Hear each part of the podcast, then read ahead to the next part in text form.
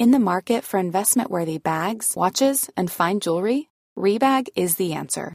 Rebag is a luxury resale platform where each piece is carefully inspected by experts to ensure quality and authenticity. Use Rebag to buy and sell finds from the world's top brands, including Louis Vuitton, Chanel, and Cartier. Head to Rebag.com to get 5% off your first purchase with code REBAGNEW. Shop today at Rebag.com. That's R E B A G.com. And use promo code REBAGNEW for 5% off your first purchase. Hey, Dave. Yeah, Randy. Since we founded Bombus, we've always said our socks, underwear, and t shirts are super soft. Any new ideas? Maybe sublimely soft. Or disgustingly cozy? Wait, what? I got it. Bombas. Absurdly comfortable essentials for yourself And for those facing homelessness. because one purchased equals one donated. Wow, did we just write an ad? Yes. Bombas. Big comfort for everyone. Go to bombas.com slash ACAST and use code ACAST for 20% off your first purchase.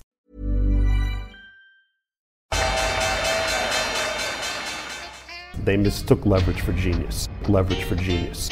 I would recommend Japan. The governments don't rule the world.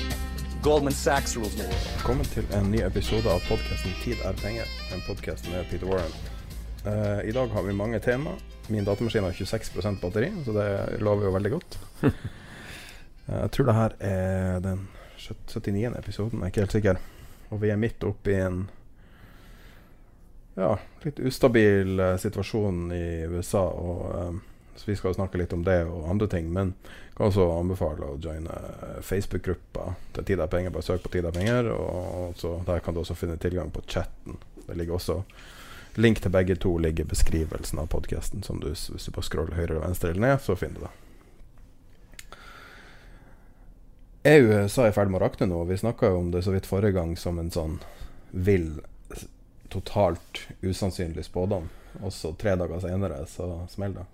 Ja, det har jo definitivt uh, skjedd noe nytt uh, i forbindelse med, med Hva skal man kalle det? Et politidrap. Nå ble det jo så jeg at det var kommet en uh, uavhengig obduksjonsrapport. altså Den første obduksjonsrapporten sa at han ikke døde av kvelning, men av andre komplikasjoner. Som kanskje Knytta til å bli drept. Ja, knyttet til å bli drept. Men nå kom det ut en uavhengig i helgen en uavhengig eh, obduksjonsrapport som sa at han døde av kvelning. Så det virker som det ikke er noe særlig tvil om at det kneet han fikk over hals og strupe og, og nakke Du har jo gjort eh, en del fysiske ting og en del nærkontaktting i løpet av ditt liv og har litt eh, kompetanse på det. Ja, altså, Hva du syns om politiet? Altså, vi kan ta helheten, da. Politiet sin respons der. Politi som kommer inn med folkemengder med eh, munningen på våpenet re retta mot folk, og, bli, og skyter eh, journalister og eh, demonstranter med less than lethal-våpen, enten metallkule med gummiskall rundt, eh, paintball eh, med pepperkverngreier inni, eller andre såkalt less than lethal. Hva, altså helheten med håndteringa, hvor, hvor alvorlig er det de gjør i forhold til fra, fra ditt utsyn? Ja, altså jeg tenker jo at uh, dette er at, at, det har jo gått mer eller mindre ut av kontroll flere steder. Og det er jo ingen tvil om det. Det, det ser man jo av nyhetene også. Bare dra mikrofonen litt nærmere. At det går, uh, at det går ut, av, ut av kontroll. Og um, det, det, har du sett både med politibiler som kjører på folk. Uh, jeg så det var, det var vel norske nyheter i går hvor noen ble ble tasert. Altså en jente som sitter i en bil, hun har mobiltelefonen sin i, i, i hendene, så det er helt tydelig at hun har ikke noe våpen. Men da skyter de henne med en sånn strømpistol.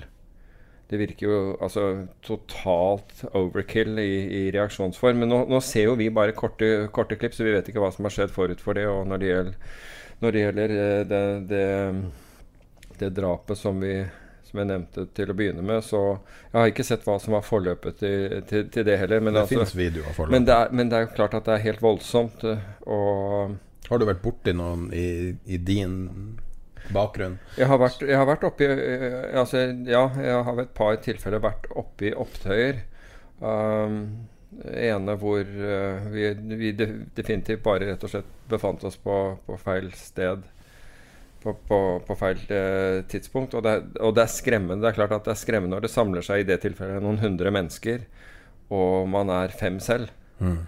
Da er det jo en, en veldig skremmende utvikling, og, og, det ville være Jeg tror man skulle Det ville jo høres helt, uh, helt idiotisk ut å si at man ikke var redd i den situasjonen. Selv om, selv om vi, var, vi, var, godt bevæpnet på, på, det tidspunktet, så, så, var jo frykten stor for at det der kunne virkelig, virkelig gå, gå helt galt. Altså det så en del av det empatiserer med politiet sine Nei, altså jeg, du kan si at jeg, jeg tror at Eh, at, at, jeg tror at de politifolkene i mange tilfeller føler mye frykt. Men, men, det sagt så er de situasjonene som jeg har sett foreløpig, så har jo politiet vært nærmest i, i, i flertall. Altså det har vært både politi og nasjonalguide. Det har jo vært et voldsomt oppbud. Og de situasjonene jeg har sett Men jeg har, som sagt, jeg har bare sett norske nyhetssendinger på dette. Uh, så har de båret preg av, av, av, at politiet har ikke vært omringet, eller det har vært en voldsom trussel mot, mot politiet i de situasjonene. Det har snarere vært politiet som har utøvet, utøvet kraftig uh, makt mot, mot uh, de det gjaldt. Men uh, altså, det, det, er klart at det kan totalt eskalere ut. og Det er derfor sikkert Nasjonalguiden og føderalt politi og alt det er, er, er innkalt. Men hvis ikke de er disiplinerte, så, så, går jo dette her helt altså Jeg så i Philadelphia hvor uh, hvor politifolkene i respekt tok et kne, altså gikk ned på, ned på et kne. Og sånne ting. tror Altså at de på en måte sympatiserer med, med årsaken til, uh, til uh, uroen og opptøyene og ved, ved, å, ved, å, vise respekt. Jeg tror nok det kan være, kan, være uh, veldig klokt i en, i en sånn situasjon. Men alle politifolk er ikke trent like godt. Det er iallfall helt sikkert. Nei, Det er jo veldig tydelig forskjell mellom eh, stasjoner. Eh, NYPD, altså New York-politiet, har jo et globalt rykte for å være korrupt. Og, og, der er det jo altså det er jo helt vanvittige saker som har kommet ja. ut av NYPD. Og, og, måten man ser hvordan de reagerer på det her, med liksom preventiv vold det er litt sånn indikativt med ryktet, ryktet deres. Så det virker å være forskjell fra sted til sted. Men, men folk, de her folkene består jo Altså, han snakker om å, Trump snakker om å sende inn militæret. Men militæret er jo folk. Altså, det er jo vanlige Ja, ja. Så spørsmålet er litt Altså, jeg tenker på de erfaringene Du har vært med på, på forskjellige situasjoner som har vært litt sånn på den mer ekstreme sida. Ja.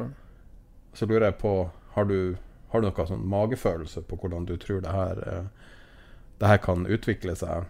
Altså, jeg, jeg blir jo redd for hvordan dette kan utvikle seg, for det skal så lite til for at det utvikler seg mye verre enn det, det allerede er.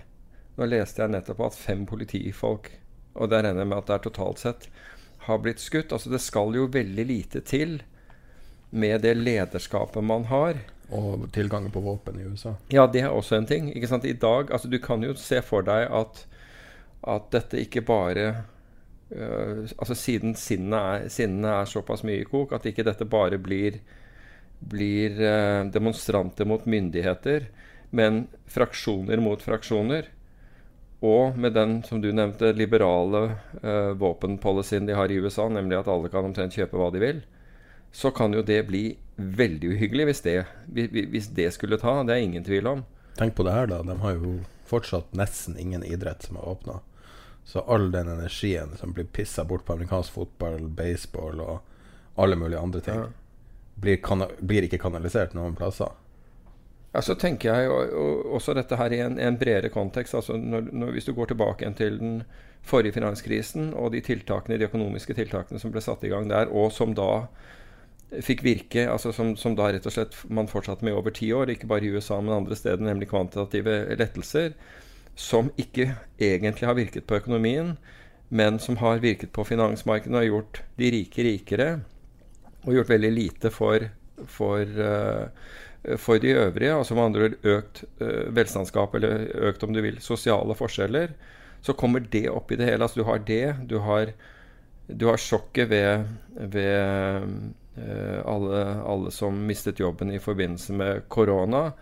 Og så har du nå dette på toppen av det hele. Altså det, vi snakket jo Matkø. Ja, vi snakket jo forrige gang så vidt det var om dette med compounding causality, som jeg har skrevet en oppgave om. Og, og, og, du ser på en måte at flere og flere og flere dominoer på en måte driver og faller. Men som en sa og jeg, må også, jeg er også overrasket når jeg da ser på Når du får veldig mye dårlige nyheter, og du, du ser på får dårlige nyheter første du gjør når du slår på nyhetene på, på radioen klokken seks om morgenen, er ytterligere dårlige nyheter. Og så sjekker du hva som skjer i finansmarkedene. Så er SMP 500 opp, altså future-indeksen opp. Og det var en som da, da Og jeg syns det var egentlig godt sagt. altså Adolf Hitler kunne gått ned på børsgulvet, og, og markedet ville steget. Det virker nesten sånn. Altså reinkarnasjon. ja, ikke sant. Altså, hadde, Adolf, ja, men hadde Adolf ikke sant? Han, han veddet hadde Adolf Hitler vist seg på børsgulvet, så hadde, så hadde SMP-en vært opp. Altså, på samme måte som at Trump sa at hadde han gått og skutt noen på Fifth Avenue, ja, så ville han ikke ha tapt en velger. Ja, nettopp. Ja, og det er litt sannhet i det. Ja. Um, og det er jo en Det blir jo nesten surrealistisk oppi det hele. Du, liksom, du mangler Er markedet rigga? Ja, er markedet rigget? Ja, uten tvil er markedet rigget. Men markedet har jo vært rigget i over ti år. Så ja, markedet er rigget, og, markedet, og det er rigget i økende grad. Det er ingen tvil om det. Det er derfor det rett og slett bare ikke reagerer på nyheter? nå. Ja, hør her. Du har, du har, en, du har vanvittig gjeldsøkning. Du har en, en børs som er på, øh, når, når, det gjelder øh, pris i forhold til inntjening, altså kursen i forhold, verdien på, på aksjen i forhold til inntjening, er, er, like høy som den var på det verste i dotcom-krisen. Du har sosial uro, du har arbeidsledighet, du har problemene, alle de andre problemene med handel som følge av, av korona, og børsene stiger.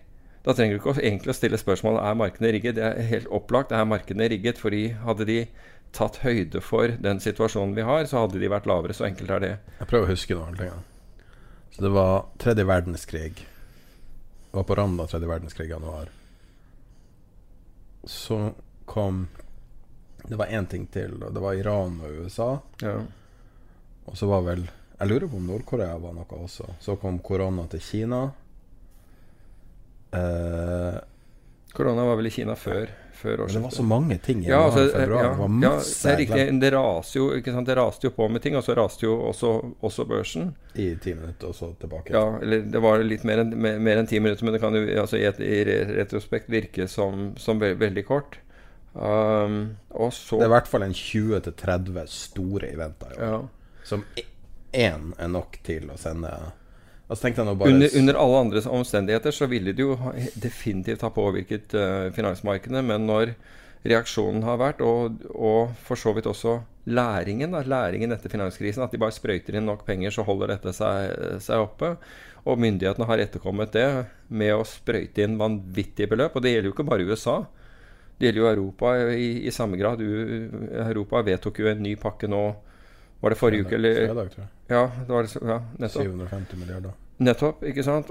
Så, så det er jo Altså, det er, det, er, det er, jo en absurd situasjon hvor du har en pandemi og opptøyer på den ene siden, arbeidsledighet bare det at uh, De gule vestene er tilbake i Paris. ja, man, man, jo, det også. Man, man, man fikk, man, fikk ikke kompensasjon for arbeidsledigheten fordi presidenten insisterte på at hans underskrift skulle være på alle sjekkene. Altså bare sånne absurde ting altså som, som i Enkelt... Skal si at Nav har ikke betalt ut til alle heller? Nei, nei, nei, men altså, enkeltvis så, så, så kunne man ha, ha, absorbert dette. Men som et totalt sett så, så er det jo nesten ubegripelig at markedene klarer å holde seg så godt som, uh, som de gjør. Det er det er jo du, du, ser jo på det altså Som, som økonom så, så, sitter du og ser på dette her når du vet at uh, inntjeningen kommer til å gå sånn på folkelig språk i dass. Så sitter du allikevel og, og, og, kjører kursene høyere og høyere. Altså gjør verdsettelsene på selskaper høyere og høyere. Det er, det er jo absurd. Det er jo rett og slett absurd. Men det betyr jo ikke Når folk tenker sånn jeg, jeg, gjør den feilen i livet og i alt At veldig mange tenker på endgame. Så vi kan tenke podkasten, da. Den nå begynner å bli ganske stor. Uh, har uh, eh, 5000 Vi runda nettopp 5000 følgere på Facebook. Vi har over 3000 som er innom chatten regelmessig, og det er vel 300 til enhver tid som er der og, uh, og er inaktive eller aktive. Og så tenker man det er sånn numbers game. Hvor mange følgere har du på Twitter? Uh, 11 000 nå, tror jeg. Ja. Og så har du uh, har, uh, Eller du har et nyhetsbrev, eller vi, jeg husker ikke om det er pod, Nei, det er ditt nyhetsbrev. Og der har Tenker du bloggen? Ja, bloggen har et nyhetsbrev. Ja, Eh, og så er det liksom sånn ting vokser og alt sånn. Og så er det så lett å tenke mentalt. Hva er endgame? Hva er det man, er det man prøver å oppnå med det her? Mm. Uh, så man kan selvfølgelig si at man prøver å oppnå inntekter. Eh, er det det? Ofte så må man komme til et visst punkt for å få det, eller Mm.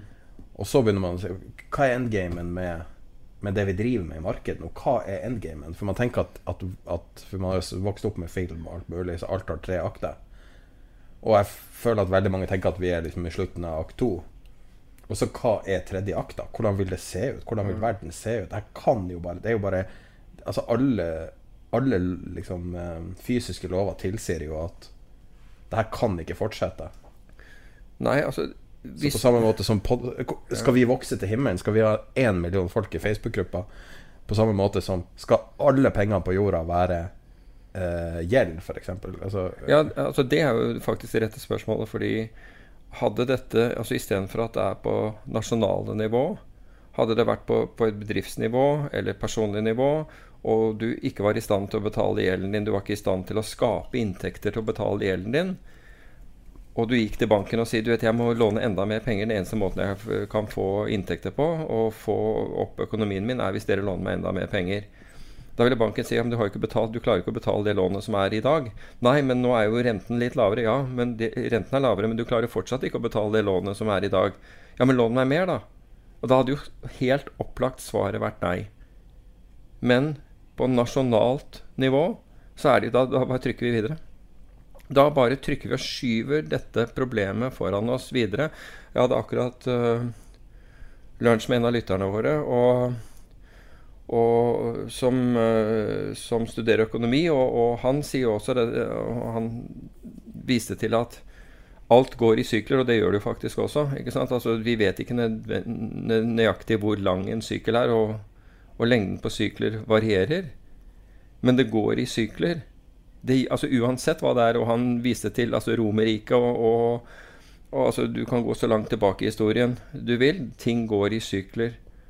Og det er det vi ikke tar inn over oss, at på et eller annet tidspunkt så må man betale for dette. Altså Enten eller så må vi bare eh, ta f.eks. USA og si at nei, vi gidder ikke å, vi gidder ikke å tilbakebetale. Ja, men det er, jo, det er jo ikke et brudd med teorien, fordi at ethvert lån har jo to mulige utfall.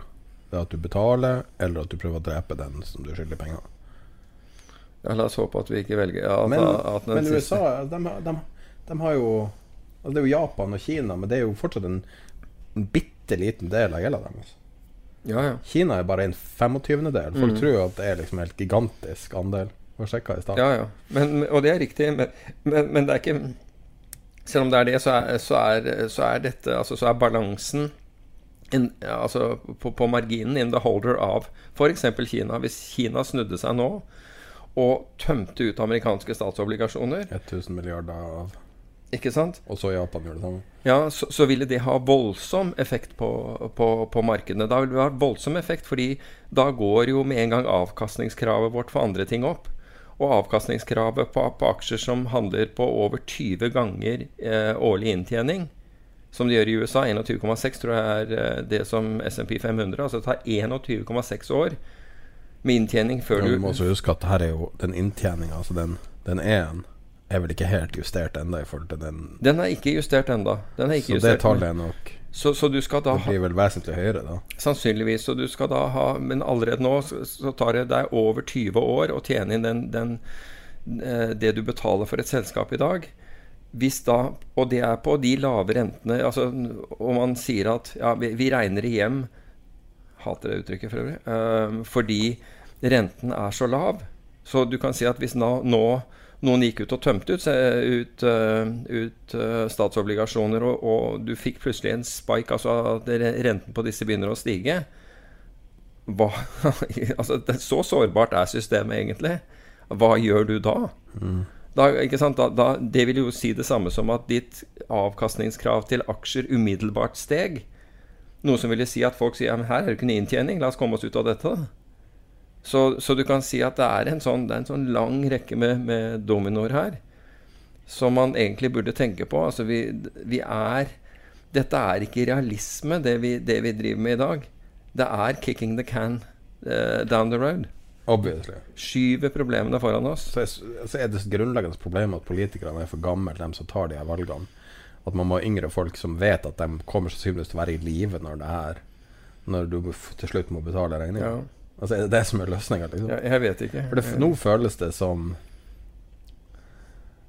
Det føles så Det føles bare sånn uoversiktlig. Sånn Altså, jeg sa som en vits en dag at eh, At verden tok slutt i 2012, og vi er i et sånn eh, en av de her uh, string-universene. Altså verden hoppa til en av de andre universene i stringteori. Mm. Fordi at etter 2012 så syns jeg det er så mye rart som har skjedd. Altså, jeg sa det bare på kødd, liksom. Mm. Men, men på en måte så, så føles ting litt sånn unreal nå. Skjønner du hva jeg mener? Ja, altså jeg, jeg har jo syntes at med, med de kvantitative lettelsene som da fortsatte, og når USA da stanset sin midlertidig, så, så økte de andre landene, altså Kina, Japan, eh, Australia, Storbritannia trenger ikke å gå gjennom hele listen, men, uh, men gjerne ta med ECB, altså Europa. Så økte de sine ikke sant, kvantitative lettelser, slik at pengemengden altså det, nye, det trykka inn nye, nye penger hele, hele tiden. Det er jo som man har innsett at dette ikke går. Og det gjelder bare å holde dette her sånn at noen andre tar ansvaret. Det er litt grann som den der følelsen jeg har at mange republikanere befinner seg i øyeblikket. De har ikke reagert på Trump, altså på alt det han har gjort før nå. Og nå sitter man liksom, Nå er man fanget altså hvis, i, i, i den situasjonen. Jeg er fanget i den situasjonen. Hva skal, hva skal jeg nå gjøre? Det er egentlig for sent å, å gjøre noe i denne situasjonen. Nå, nå har vi at det gikk bra så lenge det ikke krevde lederskap. Og det er ikke det at, han, at Trump har gjort alt galt, for han har jo ikke det. Altså, det å, det å stille spørsmål ved og, og ikke bare med stille spørsmål, men kritisere Kina for opphavsretter og den type ting, det var jo altså, noe som burde ha vært gjort mye tidligere, egentlig. Så han har jo gjort en, en del ting som også kan kalles fornuftig. Men i den situasjonen vi er nå, så trenger man ordentlig lederskap. Og ha da en kar som oppfordrer til voldsbruk, f.eks. Det er ikke liksom det er ikke, det Jeg tror ikke det er det den, de fleste amerikanere ønsker å høre. Altså når, skru, når de skrur på radioen om morgenen, og de ser at det er opptøyer i byen, og de ikke tør, enten ikke har jobb eller ikke tør å gå på jobb, så tror jeg ikke en oppfordring til en eskalering av volden er det som får deg til å tenke ah, nå gleder jeg meg til frokost. Ja. Har du noen gang hørt på amerikansk sånn talk radio? Sånn de hører på på vei til jobb? Ja, bare når jeg har vært der borte og Men du er sånn Rush Limba og den typen? Ja, jeg, jeg, jeg, Det er ganske ladda Ja, Det er ganske ladda innhold, liksom. ja. Så jeg tror nok de er ganske vant til å høre om borgerkriger og altså ting som kommer, og nå må du ha Nå må du gripe våpnene dine og Så jeg tror de er litt nervevrak allerede. ja og så ser de på nyhetene at nå er det her i mitt område. Liksom. Men i det øyeblikket liksom, dette bryter ut til en eller annen altså, Jeg føler jo at fra her vi står i dag, og til at det bryter ut en eller annen form for Altså Borgerkrig den vil, vil sannsynligvis ikke være nasjonal, men den kan lett bryte ut en, en, en sånn type situasjon i en, i en av storbyene. da Jeg tror de må få starta den amerikanske fotballigaen, eller hva det er igjen. Du må bare få kanalisert energien en annen plass. Altså. Ja, det, her, så, altså, det ville være akkurat nå den eneste potensielle løsninga. Få folk ut av gaten og drikke alkohol og pisse bort energien sin på noe tull. Ja, For sånn som det er nå Ja, jeg, vet ikke, jeg vet ikke om du skal helle alkohol i folk som har da Som, som alle sitter på, på et eller annet militært type skytevåpen hjemme. Det, det, jeg føler at den kombinasjonen der er litt risikofylt. ja. Jeg tror de som demonstrerer generelt, har mindre våpen enn Men- typisk demokrater som demonstrerer, og typisk republikanere som har våpen. Jeg tror alle har våpen i USA, kanskje. Jeg vet ikke. Ja, altså De har jo relativt liberalt, eh, liberal policy i forhold til det å, Ja. å anskaffe deg våpen. Ah, Litt avhengig av hvilken stat du er i. Men, uh, Det bare føles unreal. Altså. men det er altså, Jeg tenkte på den korte perioden fra forrige episode Når jeg sa liksom det her som en sånn far-fetched, Ja, ja. vanvittig idé. Så går det to uker, og så er det her ikke i nærheten av å være far-fetched. Det er noe som veldig mange sier Ja. høyt. Det er Ja. Veldig mange snakker om den amerikanske kommende eh, borgerkrig nummer to. Liksom. Og, og Altså, du, du ser så lite Og så slås det ut i alle retninger, ikke sant? sånn som vis-à-vis WHO. Og, altså Det slås ut i alle mulige retninger. Ja, og du er rekker ikke å liksom- reagere engang. Altså, plutselig er det et nytt sted, Ja. Det er jo helt fantastisk at man har, at man har faktisk den makten. At én mann har makten til å, til å screw it up så, såpass mye.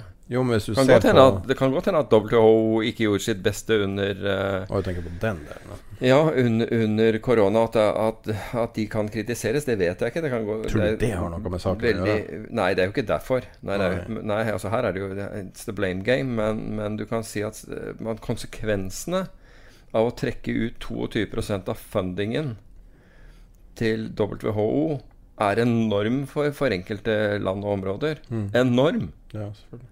Så, og at det da kan ligge på én person til å Fordi det passer inn i Inn i den narrative som, som eh, vedkommende ønsker, det er, det er for meg nesten uforklarlig. Så Men det er det det er.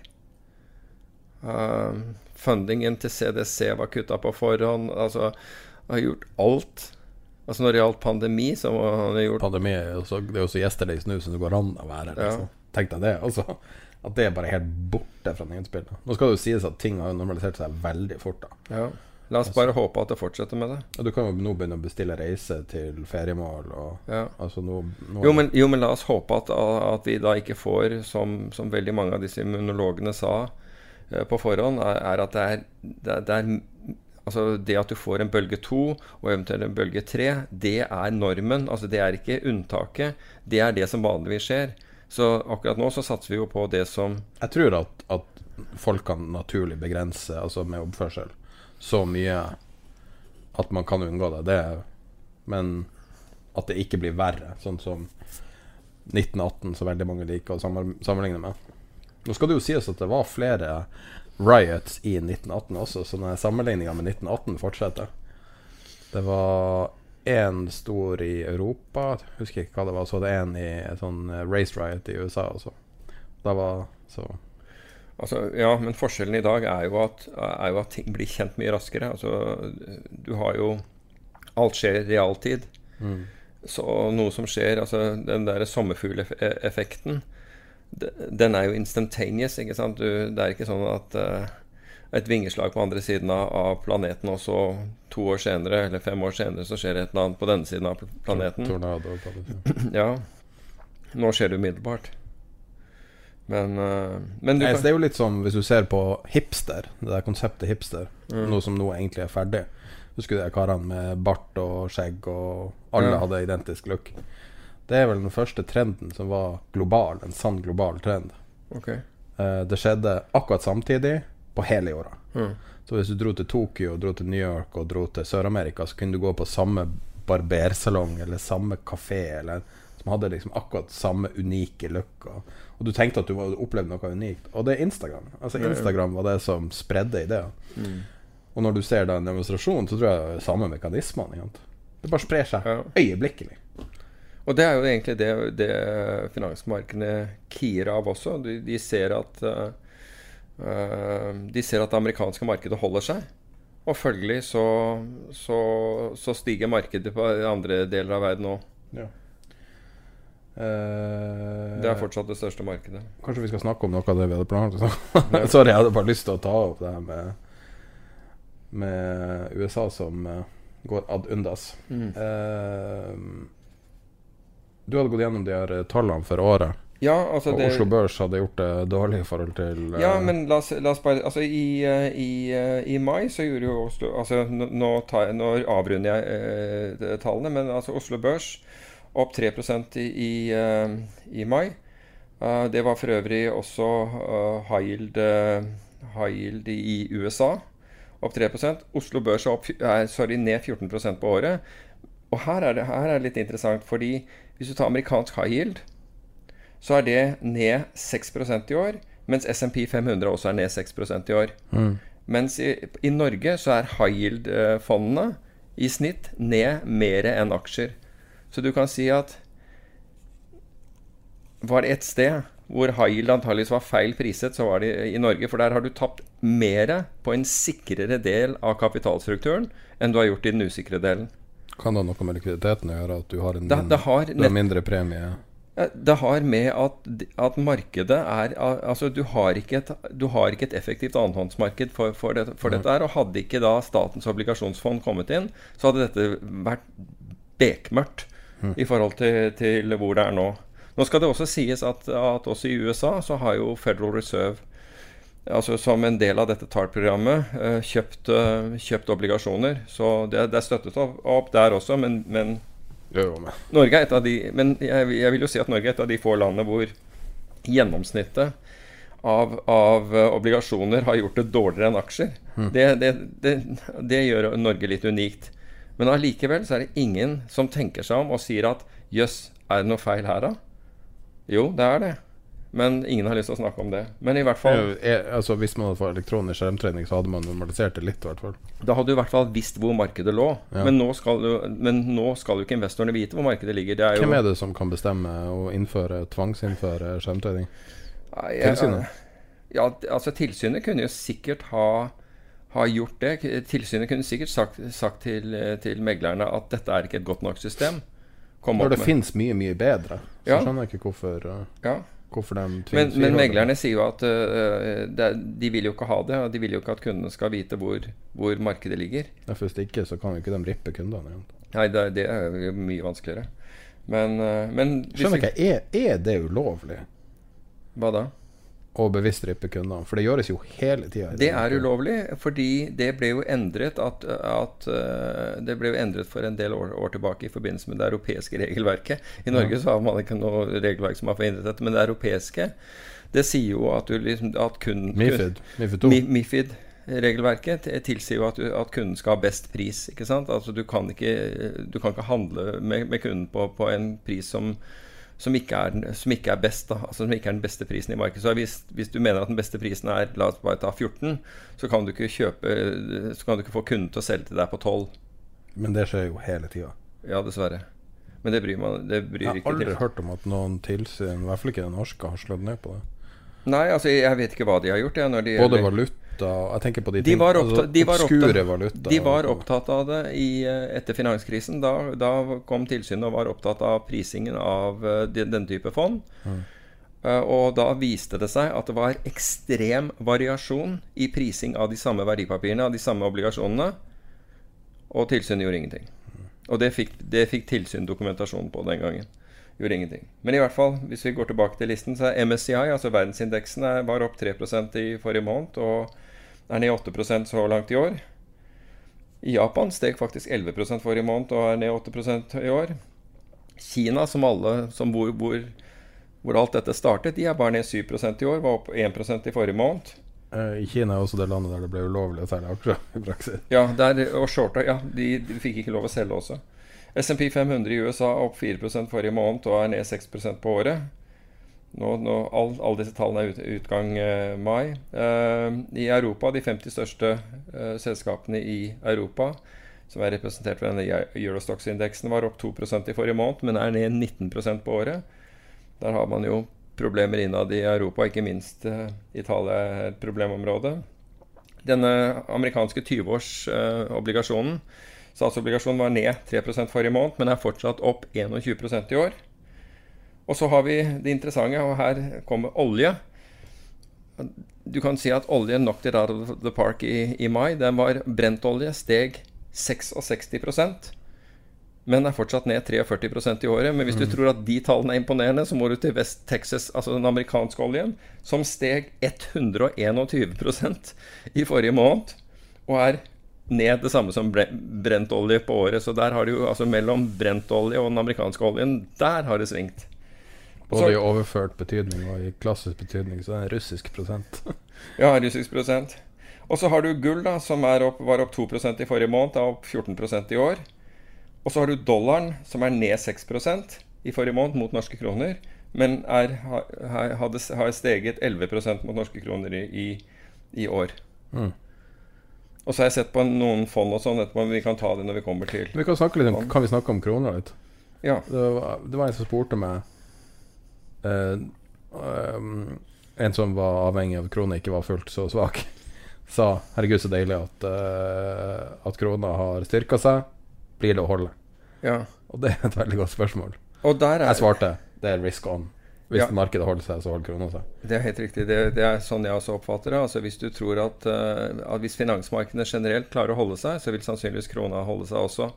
Men det som er mest interessant med den, den, eh, akkurat det med norske kroner, det var at når norske kroner var som svakest, og da var den vesentlig svakere enn den er nå Altså da var 12 cirka. mot Hva sier du? 12 mot dollar.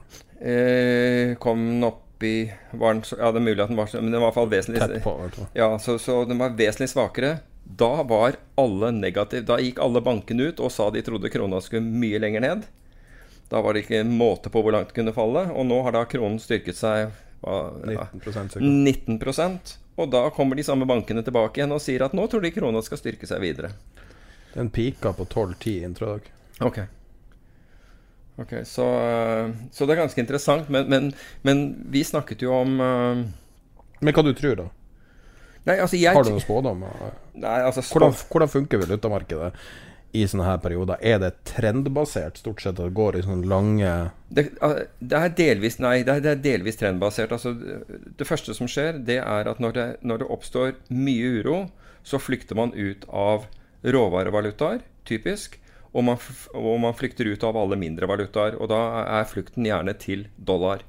Så dollaren er den som får liksom, pengene, og deretter blir det de store valutaene, som f.eks. euro. Um, og, men så har du da også trendfølgende fond de, de hiver seg da på og gjør disse bevegelsene enda større. Og jeg vet ikke om de har, har rukket å snu enda, men det er klart at når eh, når, eh, når sånn som Goldman Sachs nå sier at krona skal styrke seg videre, så, så setter de seg opp i stolen. Så det kan være the tail wagging the dog at de forårsaker ytterligere. At de forårsaker ytterligere stigning, for de må snu posisjonene. Og så har du én ting til, og det var at eh, det var en fra va- valutaavdelingen i Nordea som uttalte seg eh, rett før helgen, som sa at de hadde blitt kontaktet av, av bl.a. utenlandske hedgefond og banker angående Norges Banks kjøp av valuta. Så det er tydelig at noen begynner å kjenne smerten ved at de ligger feil vei i norske kroner. Det viser jo også hvor bra denne kampanjen funka. ja, ja, det gjør den. Men det interessante her er at den intervensjonen som Norges Bank gjorde, altså der hvor de gikk inn og, og støttekjøpte kroner, og som vi har snakket om flere ganger tidligere, og som jeg var veldig positiv til at eh, de gjorde, den var på ca. 3,5 milliard. Mens de nå kjøper, altså over den tiden, altså over de dagene de holdt på, nå kjøper de valuta for 2,5 milliard per dag. Men er ikke det snittkjøpet deres? Jo, det er helt riktig, det er snittkjøpet nå, men det er her i Altså forbindelse det, men det har vært lenge.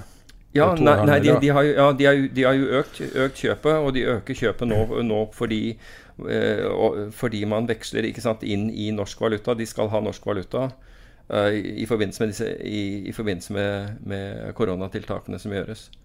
Som, som gjøres for staten. Men jeg tror snittet var 700. Jeg tenker om, når du så på det, så øker Ja. det til 2,5. Ja, korrekt. Så Så i et normalt marked så rundt 500-700 eller noe sånt.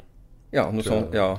Og det har jo vært den andre veien også, men, men, eh, men du men nå, altså, når hedgefond begynner å ringe opp uh, norske banker og si hva er, uh, hva er policyen til, til sentralbanken her, så, gjør, så er det klart at enten så har de tenkt å spekulere på det, eller så øh, lurer de på om de skal fortsette å sitte på de posisjonene eller snu dem. Så, og så kommer det plutselig en Goldman-analyse rett etterpå som sier at de tror at kronen skal styrke seg videre. Da tenker jeg at eh, noen sier at du, nå, nå snur vi, nå, nå holder det med smerte. Har du fått 19% mot deg i, eh, i dollar norske, så, så er det mye. Hva du tror, fordi at en ting som har vært hamskoen til krona i så lenge jeg kan huske, har jo vært eh, det at eh, utlendinger generelt omtaler ting som si, Scandis. Altså de, de tar ikke så veldig De tenker ikke så veldig mye at det er så veldig stor forskjell på Norge og Sverige. Ja, det er korrekt.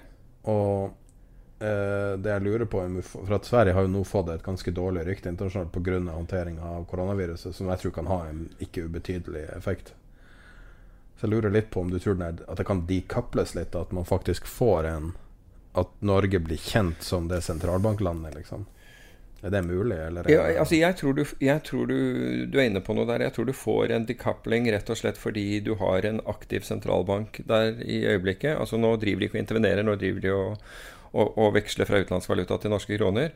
Um, sånn som Sverige var med negative renter tidligere. Ja, så, så, jeg tror det at de ser at det er en aktiv sentralbank, gjør at man, man differensierer rett og slett pga. det.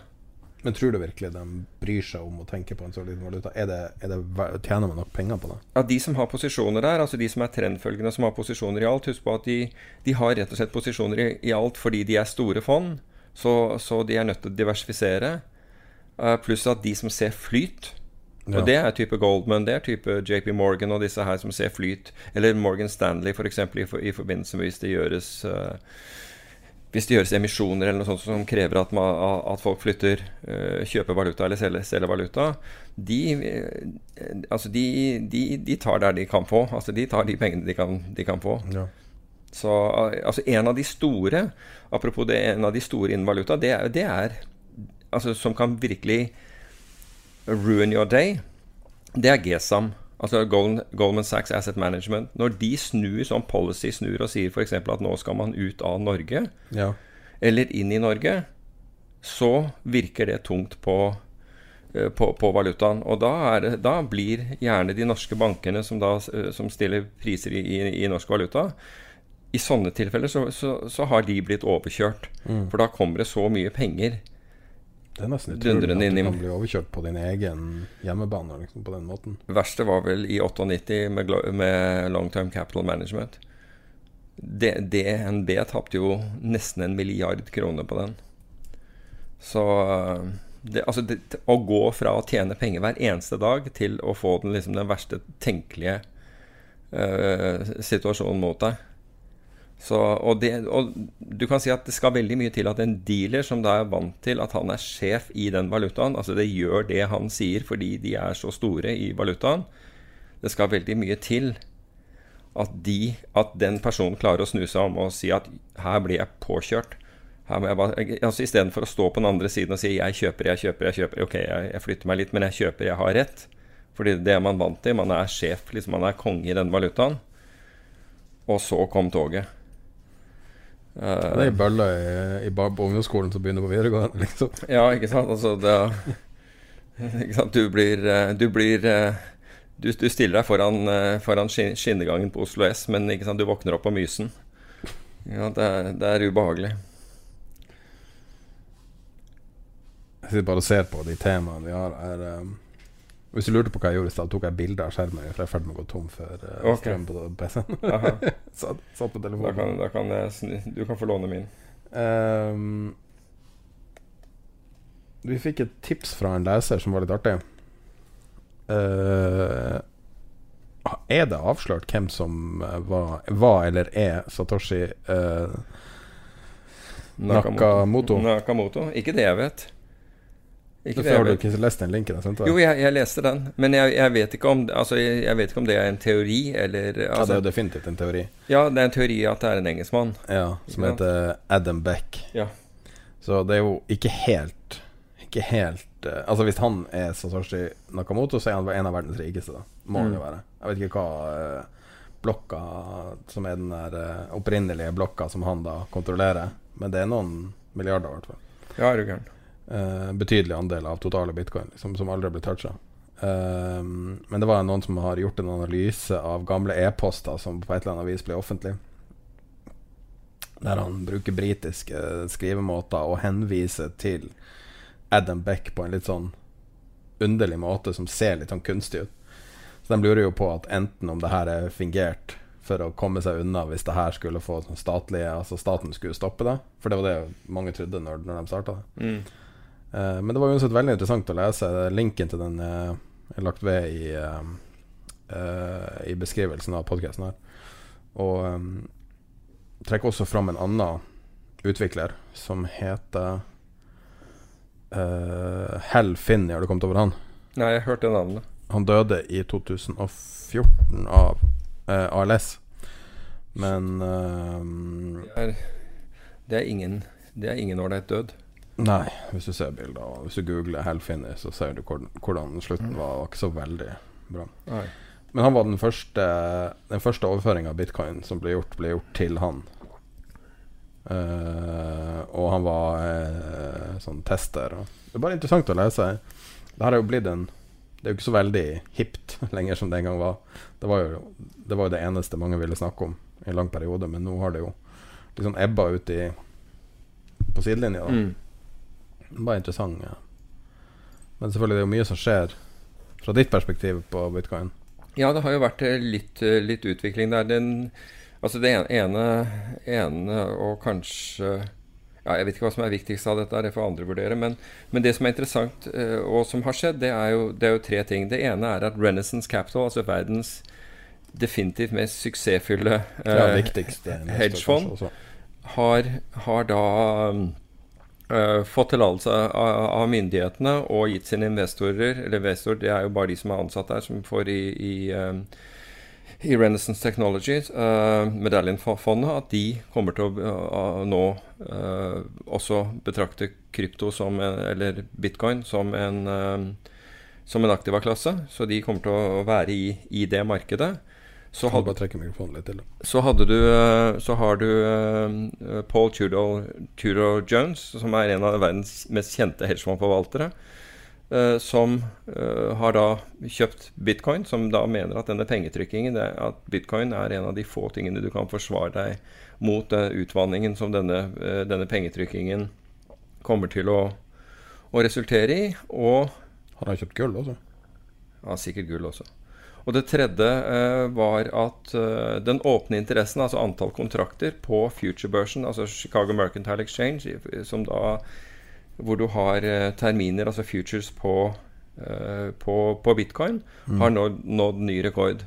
Og det har gått, gått opp vesentlig. Så det har faktisk skjedd en del her. Så det, det er tydelig at det er ikke bare Tudor og Renaissance som interesserer seg for dette her, men det er andre. og annet trendfølgende fond begynner nå også antageligvis å hive seg på Eller i hvert fall være, være aktive i, eh, i, eh, i bitcoin.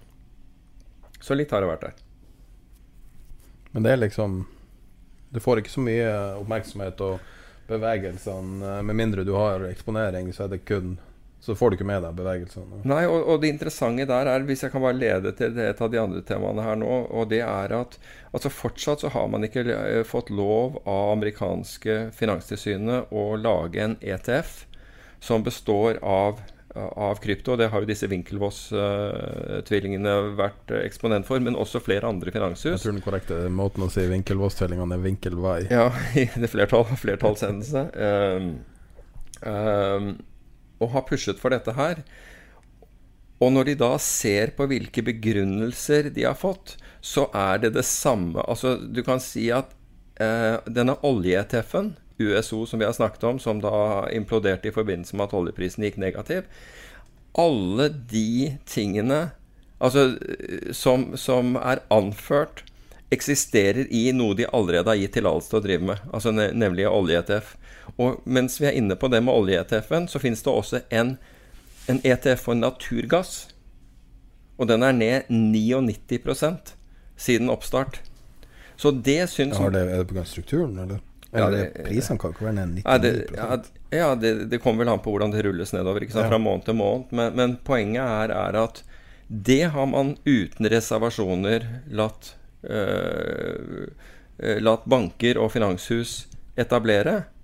Men ETF på dette, som bankene ikke er spesielt interessert i ETF-er på, på, på, på, bitcoin, for bitcoin truer jo på en måte bankvesenets marginer, det holder man igjen på. Så um, det er, det er en interessant sammenligning der, og den gjøres stadig av flere. Ja. Nå har jo staten monopol på penger, og det er vel ansett for å være en positiv ting at de har det. Så Ja, mulig. Altså, jeg synes jo det Jeg foretrekker jo det kontra uh, sånne vilkårlige grupperinger i sånn ref USA nå.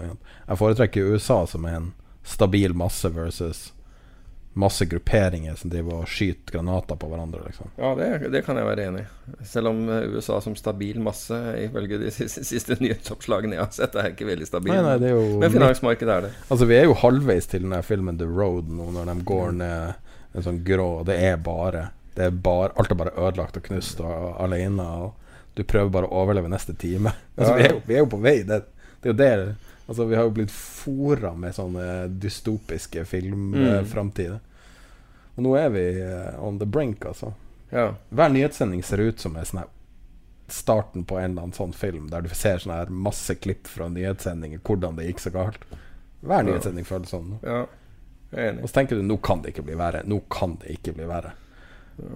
Og så bare smelter USA, så står de og skyter på hverandre. Liksom. Ja. Det har alle tenkt liksom At kanskje kommer til å skje, men egentlig ikke tror kommer til å skje. Ja, la oss, la oss fortsatt håpe på at det ikke skjer. Altså I hvert fall at det ikke eskalerer utover, utover det som har skjedd. Men du, du, jeg så at du postet det der hvor de slo alle lysene på Det Mm. hvite hus. No, noe som man normalt gjør i forbindelse med når, når presidenter dør. Så slår man av fasadebelysningen. Så slår man av lyset fordi liksom Ja. Altså Symbolikken det- det er bare helt uforståelig sterk. Ja. Altså Det er liksom Det lille siste biten av monarkiet Det må jo ha vært de som, hadde, som reagerte når de så lyset gå av tro, trodde rett og slett at det var At noe hadde skjedd. Tror du folk kan kutyme så Altså reglene så godt? Ja, Jeg ville trodd at amerikanere Det var siste president som døde. Det var vel uh, John F. Kennedy? Siste president som, og som, som døde in office. Ja. Uh, ja, det tror jeg du har rett Gerald Ford var på gang Nixon, var det ikke det? Og da han gikk Jo. Han døde vel ikke? Nei, så Ja, du, du har, som var in office. Ja, in office har du, har du vel rett. Og Ja, det det, må jo være um, Abraham Lincoln. Nei, det er et par-tre Sikkert. Det var jo en som døde etter ei uke eller en måned, og så var det Mm. en som eh, døde når han var Han ble skutt på togstasjonen. Oi, okay. Han uh, Kanskje den beste presidenten de har hatt, som var veldig kort. Men eh, Mm. nok om det. Men uh, Nei, det var Bare går tilbake til at verden føles litt sånn unreal nå. Ja, den er litt unreal. Jeg er helt enig i det. Men, jeg, jeg, Men er det bare gjelda? Er det, er det når, man, når man blir putta i en så forgjelda situasjon? det er ikke bare gjelda, det er arbeidsledighet. Ja, men er ikke arbeidsledigheta gjelda, liksom? Altså, er det ikke, ikke alt bare gjeld? Ja, ja, I ytterste konsekvens kan du vel si at det er det. For å si det sånn, altså tenkte jeg arbeidsplassene i USA f.eks. Skal man Å, fantastisk, jobless claims og nå Men hva er de her jobsene de får? Det er en jobb som betaler minimum wage. Og Mm. de folkene som er da arbeidende, har tre jobber for å kunne være under fattigdomsgrensa. Mm.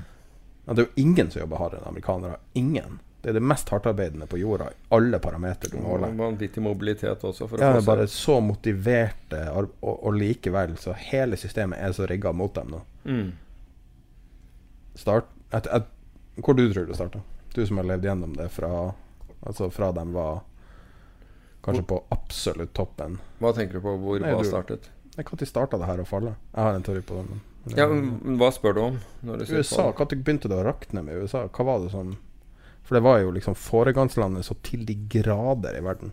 Nei, jeg, vet- jeg vet ikke. Jeg, jeg, Jeg tror det var når Reagan eh, knekte fagforeningen og begynte å sende arbeidsplassene ut sånn at de At de ikke universitetsutdanna eh, plutselig hadde mye dårligere betalt. Mm -hmm. kjernefamilien på en måte forsvant da. Mulig, jeg har ikke tenkt på det. Men, Jeg tenker på Fred Flintstone eller, eh, eller Barney Rubble. Ja, eller, eh, eller Homer Simpson, eller alle de her karakterene. mm. De er jo alle ikke utdanna og Ja. har kjernefamilie. Homer Simpson er, er faren, og mora er hjemmeværende. Det er den klassiske amerikanske strukturen. Og når, eh, når de senka fagforeningen, så forsvant jo jeg vet ikke, 20-30 millioner sånne arbeidsplasser som Mm. var godt lønna arbeidsplasser, ja. og ble erstatta med, med Mac-en. Liksom. Mm. Så Nei, det er fascinerende. Men det er jo virkelig altså, Vi ser jo bare the end of days. ja. Kan ikke forestille meg noe annet. Ja, La oss håpe at det ikke er det. Ja, ok, hvis du Kan det være noe positivt som kommer ut av det? da? Det kommer ikke noe positivt ut av enhver krise, egentlig. Det er bare at, eh, at kan bli, det kan bli veldig smertefullt før, før, før de gjør det. Men det gjør jo det. Det kommer noe, noe renere ut av en- enhver krise. Altså, Finanskrisa var jo ikke det var jo, Nei, men det er jo fordi vi ikke lot den Vi lot jo ikke det skje. Nei. Man skjøv jo dette foran seg med å dytte inn mer og mer penger. Og, og sørge for at en, en liten andel av befolkningen fikk en voldsom velstandsøkning. Men Hva med andre verdenskrig, da? Det som kom ut av det, tenkte jeg f.eks. å være amerikaner på 50-tallet. Hva som kom ut av den Det er den mest forknytte generasjonen i historien, omtrent. ja. Etter, For, for, etter for Tyskland må man jo si at det kom Altså, ja, de tapte, men, men, men tenk hva som skjedde. Hvilken revolusjon som kom i økonomisk revolusjon. Absolutt. som, som skjedde i de landene. Jeg tror Tyskland så Jeg mente å huske at det var en sånn vanvittig tilfeldighet som gjorde at de fikk lov å, å bevare Volkswagen-fabrikken. At de ikke måtte avvikle det liksom, fordi at det var utvikla under nazistene. Akkurat. Så det var litt sånne ting som var litt medvind der. eh, Men selvfølgelig Dresden var jo bare bomba sønder og sammen. Og. Ja. Nei. Men vi, føler at vi må begynne å trekke de koblingene til andre verdenskrig og første verdenskrig. Og Jeg håper vi tar feil i det der. Altså. Jeg håper virkelig vi, at, Ja, ja. at ikke dette her går helt ut av 2015 føltes jo ganske dramatisk, det også, når det var sist gang sånn her. Eller? Men jeg tror at de, de som hører At de aller fleste som hører på her, de registrerer nyhetene. ehm, rister på hodet over middagen mens de, mens de, de ser på nyhetene, kommenterer i, eh, i en, kort tid etterpå, og så går man videre til neste program. Sånn som korona. Ja, og så er det liksom borte. Men korona har virkelig Vi har bytta kanal nå fra korona. Ja, ikke sant. Korona, ja, men korona har vært litt mer fordi det har gjort at vi alle har måttet i hvert fall tenke oss litt om. ikke sant? Altså, En del har vært veldig positive, f.eks. Hy på øh, hygienesiden. Så har man tenkt på, på øh, distansering. Og så har man tenkt på eldre mennesker, at liksom, her må jeg være veldig forsiktig. Så, så du kan si at den har gjort en del at vi har tenkt fornuftig, da. Sikkert langsiktig veldig positive effekter for uh, overlevelsesraten på masse forskjellige utsatte grupper. Ja, Håndhygienemessig. altså Hvis man klarer å innarbeide det altså nå, Ja, men, ja, så, så Ja, jeg merker det selv. Jeg har vært på tur med hunden igjen, og når jeg kommer hjem, så, så vasker jeg hendene som, som, en, som om jeg skulle gjøre open heart surgery i neste øyeblikk. Du står og skrubber og her- herjer og holder på der. Ja. Og det er klart at det eh, minsker jo smittefare for alt mulig enormt. Ja, ja. De sa etter, um, etter SARS-krisa så innførte de noe Enten var det SARS eller eh, nei, svineinfluensa. Så innførte de noe sånn håndvaskerutine i barnehage, eller i barnehager generelt. Og de reduserte så, eh, syketida til ungene med 50 Wow. og, og det har jo en helt enorm altså, innvirkning på eh, altså, Hvis du blir syk på feil måte, så kan det få langsiktige, varige konsekvenser for livet ditt, og hele familien blir syk. Ja, ja. Så det er enorme sånn eh, Altså, Småbarnsforeldre er jo syke hele tida fordi at de Ja. tar med seg bakterier hjem. Så hvis ungene bare lærer seg å vaske hendene, that's it. Det er alt de trenger. Så, eh, men Mul- Mulig at det bryter ned deler av resistensen vår, men det er en annen sak. ja, det er jo litt mer sammensatt enn Det er det. Altså, det verste jeg hører folk som snakker om, sier de ja, det er viktig En del sånne guruer på internett sier sånn eh, Det er viktig å eh, Det er jo viktig å spise riktig pro probiotisk eller et eller annet for å, for å ha sterkt immunforsvar for å beskytte mot korona. Og når du ser, Hvis du leser bare altså noe, Jeg er absolutt så langt unna en ekspert det kan være, men jeg har bare lest hva som skjer. Dem som faktisk blir alvorlig syke av korona, altså, som ikke er døden nær når de får det, så er det jo nettopp immunforsvaret som tar knekken på det. Så. Det jeg har lært ut av det her, er jo at man må være forsiktig med hvor du, hvor du tar informasjonen din fra. Så når det gjelder sånn enten vitenskapelig informasjon eller eh, medisinsk, så ta det fra en genuin ekspert, og også vurder eh, kompetansen til dem som sier det. Og det er jo en sånn Apropos det, som en digresjon og tilbake igjen til, til dette med, med Trump og, og eh, WHO, så lurer jeg på altså, Da hadde jo Trump gått ut og, og anbefalt dette Hydro Jeg prøver ikke engang å si resten av det, for det er en sånn tungebrekker. eh, eh, eh, Legemiddelet. Og så Nei, altså, han bruker det sjøl. ja, jeg vet det. Jeg vet han bruker det selv, men han, han, han anbefalte og han snakket, ja, ja, riktig. Og så, Men det var jo bare kort tid før han snudde seg og, og trakk, all, trakk USA ut av WHO. Da WHO bare noen dager før gikk ut, gikk ut og sa at dette måtte ikke folk gjøre fordi det medførte dødsfall. Altså de, det var livsfarlig å gjøre det. To dager etterpå eller noe sånt, og så går Trump ut og sier at de kutter med Det er ikke tilfeldig, vet du. Det er ikke tilfeldig. På Sorry. iTunes under, eh, midt under korona så var jo den der filmen eh, Jeg husker ikke hva den heter. Ja. Contagion. Det var vel mest sedde filmen på jorda. okay. Fra 2011 som handla om det her. Og der er det en karakter som, som er sånn eh, Han samarbeider faktisk med hedgefond, selvfølgelig. Bad guy in hedgefond. Men da samarbeider han med noe hedgefond om uh, prøve å, liksom, å tjene penger på det her. Og da har han en sånn eh, En sånn medisin som han kaller Forsythia, som er bare sånn bullshit, en plante eller et eller annet. Uh, og han tjener masse penger på det. Og det, og det er liksom sånn når du tar eh, analogien til eh, dagens situasjon, så er det litt sånn merkelig at det er presidenten i USA som driver og pusher. Ja, ja, det er helt absurd. Helt absurd. Det, men det er bare det som verden føler. Det føles bare unreal. Alt føles bare Ja. som en kopi av en kopi, liksom. Bare sånn rart. Det er ikke helt eh, Ting er ikke helt i vater. Eh, men én ting som er som normalt, er at eh, Nasim Taleb krangler med alt og alle. ja. Og det var noen som gjorde oss oppmerksom på at eh, Cliff Esnes, en veldig vellykka forvalter, og den halvgale Nasim Taleb, uh, som Jeg mener, jeg husker at Jeg husker ikke om det var denne krangelen, men han ble, han ble kalt en chubby weightlifter av Jeg tror det var det. Av Cliff Esnes. Ja. Ok, da, da, da, nå skjønner jeg hvorfor Nasim tok, tok ordentlig av. For de, visst- de kjenner visst hverandre fra før.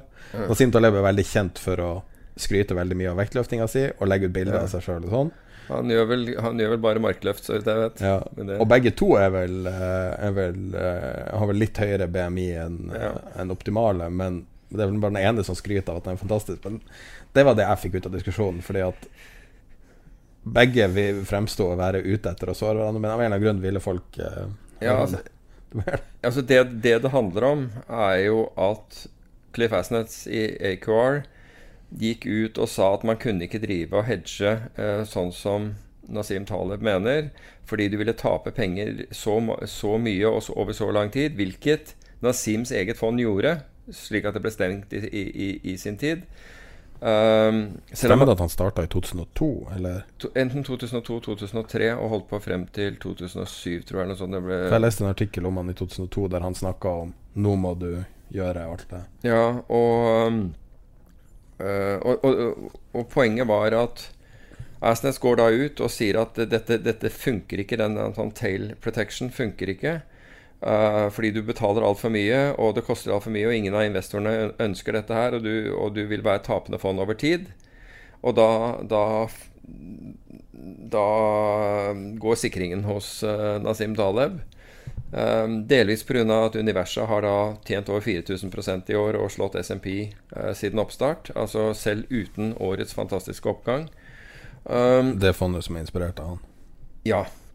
Uh, Mark Spitznagel, som driver det fondet, jobbet da, han var, jobbet da sammen med Nasim. Han var jobbet for Nasim, og sammen med Na- Nasim når, når, uh, når Nasim drev sitt eget fond.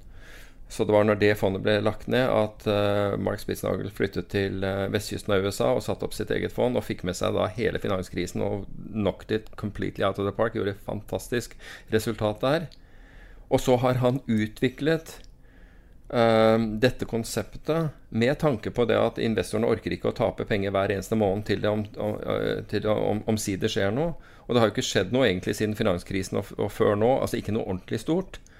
Og det gjør at hvis du hadde tatt den, den strategien og hatt den etter finanskrisen og frem til nå, altså akkurat den samme som Nasim hadde, så hadde ikke dette gått bra. Men så, så har da Så Cliff Asnes mener da at du skal at du skal eh, diversifisere med ting som statistisk sett gir en bra payoff hvis det går gærent. Problemet er statistisk behøver ikke å skje. ikke sant? Altså Når du da får noe som smeller, og i dette tilfellet gjorde ikke det fordi AQR tapte mye penger på, på, på børsfallet. Men AQR har jo et sånn fond, sånn der tail risk-fond, har de ikke det? Ja, det er mulig ja, For det var krangel om om det var det eller ikke. Sånn. Ja, altså Poenget er, er, at, er at du må ha et uh, deterministic fond. Altså Du må ha et fond som vil tjene penger hvis det skjer. Altså som det vil skje, altså en direkte link. Kontra at du diversifiserer, sånn som en del har gjort. Og jeg hadde jo den diskusjonen uh, på, på, på pengepodden til Nordnett, hvor han viste sin porte, portefølje. Og da han var skuffet over sin portefølje i forhold Men det var, det var ganske enkelt å se hva i den porteføljen som egentlig ikke Altså, den, det var en diversifisert portefølje, men ikke ville virke under en del, en del, eh, under en del forhold. Um, så uh, Nasim Taleb mener jo at man skal gjøre det sånn at man er helt sikker. Det er den eneste måten. Du kan, altså, du kan ikke drive med ting som kanskje korrelerer. Du må, det må være de- deterministic, altså med andre ord at det virker. Og det er jo det uh, uh, Universa, som er fondet til Mark Spitznagel, gjør. ikke sant? Altså Faller markedet, så tjener han voldsomt med penger. Men han taper ikke, han, han, han taper ikke hver måned, selv om markedet stiger heller. Så det er liksom litt av Og det er det den debatten Det er litt Carl Bess-metoden også. Altså være grunnleggende long. Verden er long, du vil være long, og så har du en 10-15 som er ja, monster ja, short. Ja, ja bortsett fra at, uh, bortsett fra at uh, universa er egentlig Han sier han skal tailriske det, så han er ikke opptatt egentlig av å være long. Er, han har klart å tjene penger på måten han gjør det på, Ja. og gjennom de opsjonsstrategiene han bruker. Med å betale, som Ja. du sa i forkant, altså før det her smalt, når du introduserte det, så var det jo liksom 1,5 i året eller noe sånt. Ja, altså han, si, han sier at, at dette ikke skal koste deg mer enn 1,7% i året. Og det er jo på en måte det som er unikt ved universa.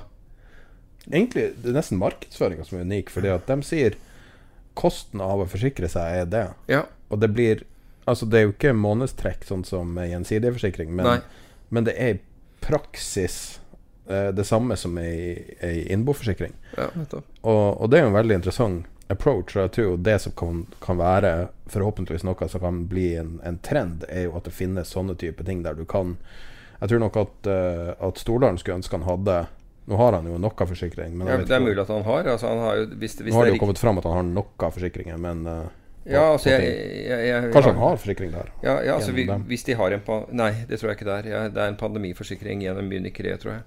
Ok. Men, Vet du eh, hvor stor den er? Nei. De har ikke villet gå ut med noe. Altså, det, det rare er Passe at på å få alle Det- statlige pengene først, og så Ja, det det er jo en sånn litt merkelig greie. Fordi hvis du er forsikret, så, så har, har du ikke behov for statlig tilskudd, men du kunne ha behov for en, en brofinansiering da, mellom at du får til utbetalt forsikringen og Altså en ren finansieringsløsning. Men den kunne du få fra en bank. Men Ja. i og med at vi ikke vet dette her, og Men det har vel stått i avisa at han har den Nei, de har nektet å kom kommentere det. De, de gangene jeg har sett det. At det er noen som påstår han har det, og så, si, og så har de svart ingen kommentar. Og det er jo litt merkelig også, fordi du vil jo tro at myndighetene også ville vært interessert i å vite. Hvis de har fått 140 millioner på feil grunnlag, dobbelt så mye som Scandic fikk, f.eks., hvorfor skal de ha dobbelt så mye som Er ikke Scandic større enn dem? Jeg vet ikke. Jeg vet ikke. Men, men du kan si at jeg vet ikke hvorfor de holder igjen, eh, holder igjen den informasjonen, men eh, Det skjønner du nå vel? Ja, kanskje. Ja, men det, da, da Hvordan skal du få gratis penger hvis du Da, da, da spekulerer jeg. Jo, men jeg tror at hvis, du, hvis det viser seg at du var forsikret for det, så tror jeg ikke at, at myndighetene lar deg beholde uh, pengene. Det er, ikke sånn, altså, det er ikke sånn at skattebetaleren skal betale overskuddet ditt. Det er jo ikke hensikten. Men jeg hørte noen rykter om at han var med å lobbyere i forkant. Og det har jo stått i avisa nå. At det var direkte kontakt mellom Jo, men jeg har sett en, en, en kontakt, igjen kun gjennom avisen, som var mellom finansministeren og Petter Stordalen. Men der er det jo finansministeren, slik jeg oppfattet det, som tok kontakt. Og det er veldig forskjellig fra. Og som glemte å melde inn, eller det ble meldt inn veldig, veldig sent etterpå. Ja. Men jeg regner jo da med at, at hvis Altså finansministeren en SMS er i postarkivet, så jeg tror det er Nettopp. Så det, men det ble meldt inn veldig mye senere, og det ble angivelig fordi de hadde så mye å gjøre, så det ble meldt inn senere. Men jeg ville jo tro og forutsette og håpe at dersom finansministeren eh, jo, altså Det virker som han har gjort det. Da ikke bare kontaktet ham, men kontaktet et, antall for å være sikker på at at uh, det man gjorde, virket etter hensikten. Det må jo være derfor man, man har gjort det.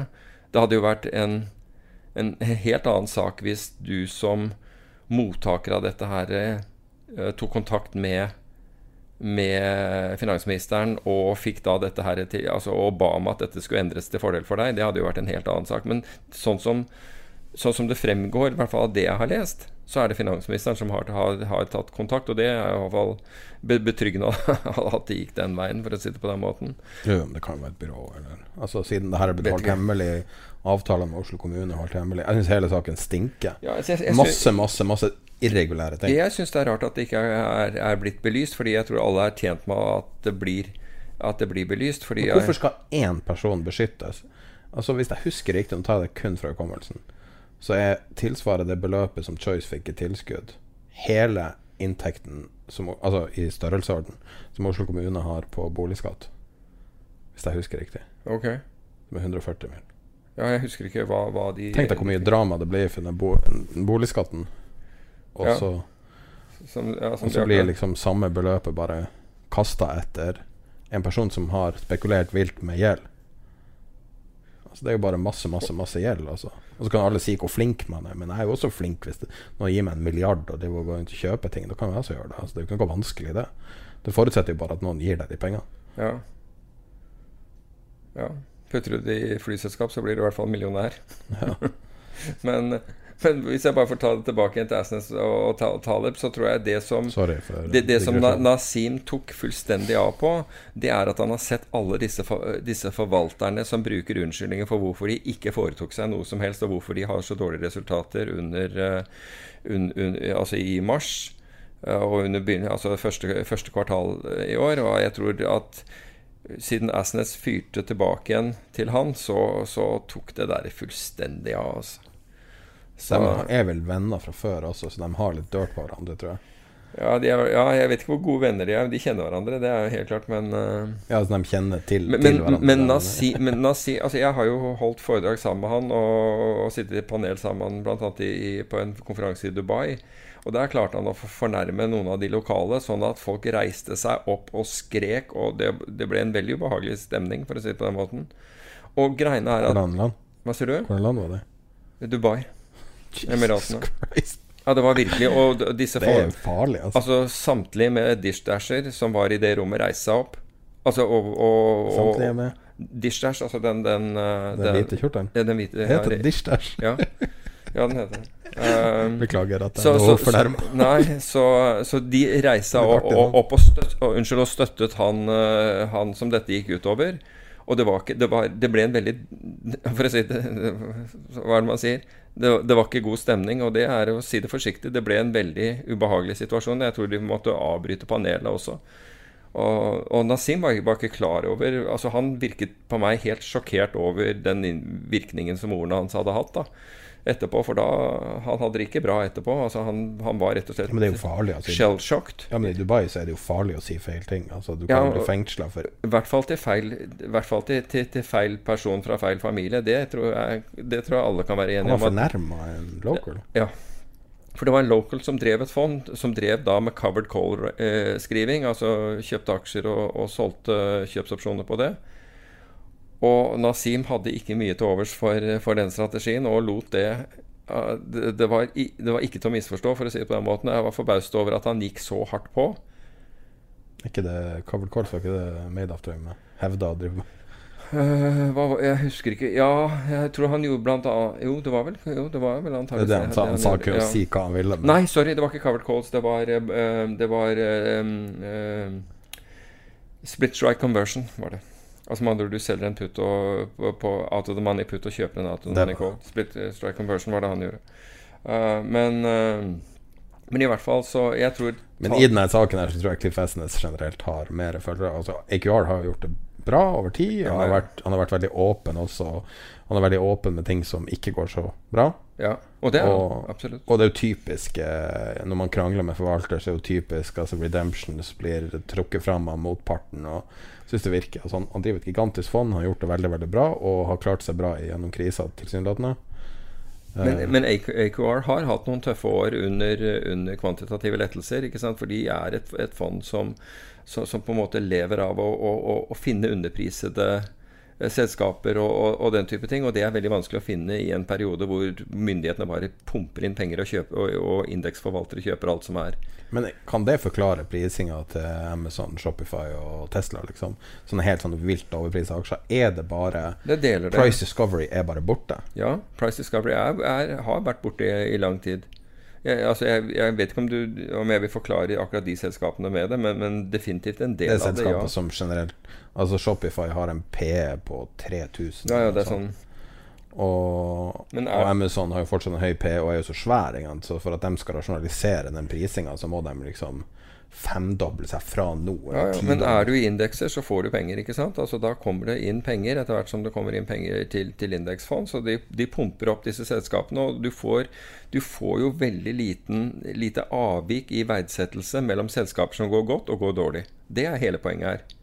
Hva du syns om eh, Jeg vet ikke hvor godt du, hvor mye du følger med Apple. Ikke veldig mye. Det ser ut som Apple gjør ei lita strategiendring. Tenker du med nye iPhone som den nye som annet. har kommet Det virker som at de gjør Hvis du går inn på apple.no, eller hvis du bare leser noe om Apple Så De har jo laga en ny telefon nå som heter Som en andreversjon av SE. Mhm. Som er da basically en, en telefon som har mer eller mindre samme feature som de topptelefonene til halv pris. Ok. Så det virker som at de gjør et push på det lavere segmentet. Ja, det, ja, det var min Det er det Og det matcher jo på en måte verden. Folk har mye mindre penger å bruke. Eh, en mobiltelefon til 15 000 er ganske absurd. Men Mm. det er interessant når verdens største selskap gjør ei potensiell vridning i strategien. Ja, absolutt. Jeg synes det er nesten Jeg vet ikke om det gjør dem mer attraktive. De vil jo da Altså De vil jo da måtte selge vesentlig mer for å gjøre Ja, men pga. altså på grunn av dollaren, altså, det er gjelder jo også internasjonalt, for dollaren var jo ganske sterk eh, internasjonalt også, så har jo Altså kan du jo si at markedet deres, altså alt annet like, altså kjøpekraft, eh, kjøpekraftsparitet Hvis, du, hvis det finnes noe sånt, så har det markedet blitt utsatt. Så det er kanskje en Ok, vi er nødt til å gjøre noe her. Kanskje. Så jeg vet ikke. Men det er bare Om det er kanskje en starten på en trend, om det er en tilfeldighet at det er nå, Mm. og så kommer det nye gigantiske. Men det er jo på en måte det, kanskje det viktigste markedet på jorda er vel mobiltelefoner. Altså det er jo det man Mm. Altså alt vi snakker om, knyttes til det, liksom. Ja. Jeg, jeg vet ikke hva som var Men jeg Men du hadde tidligere gode sånne magefølelser. Jeg husker du hadde kjøpt en iPhone for en sånn seks-syv år siden. Mm. Og da sa du at den var så dårlig at du skulle shorte Apple eller et eller annet. Husker du det? Ja. Og da, da tima du. Da, var- da topptikka du Apple på den kommentaren. Wow.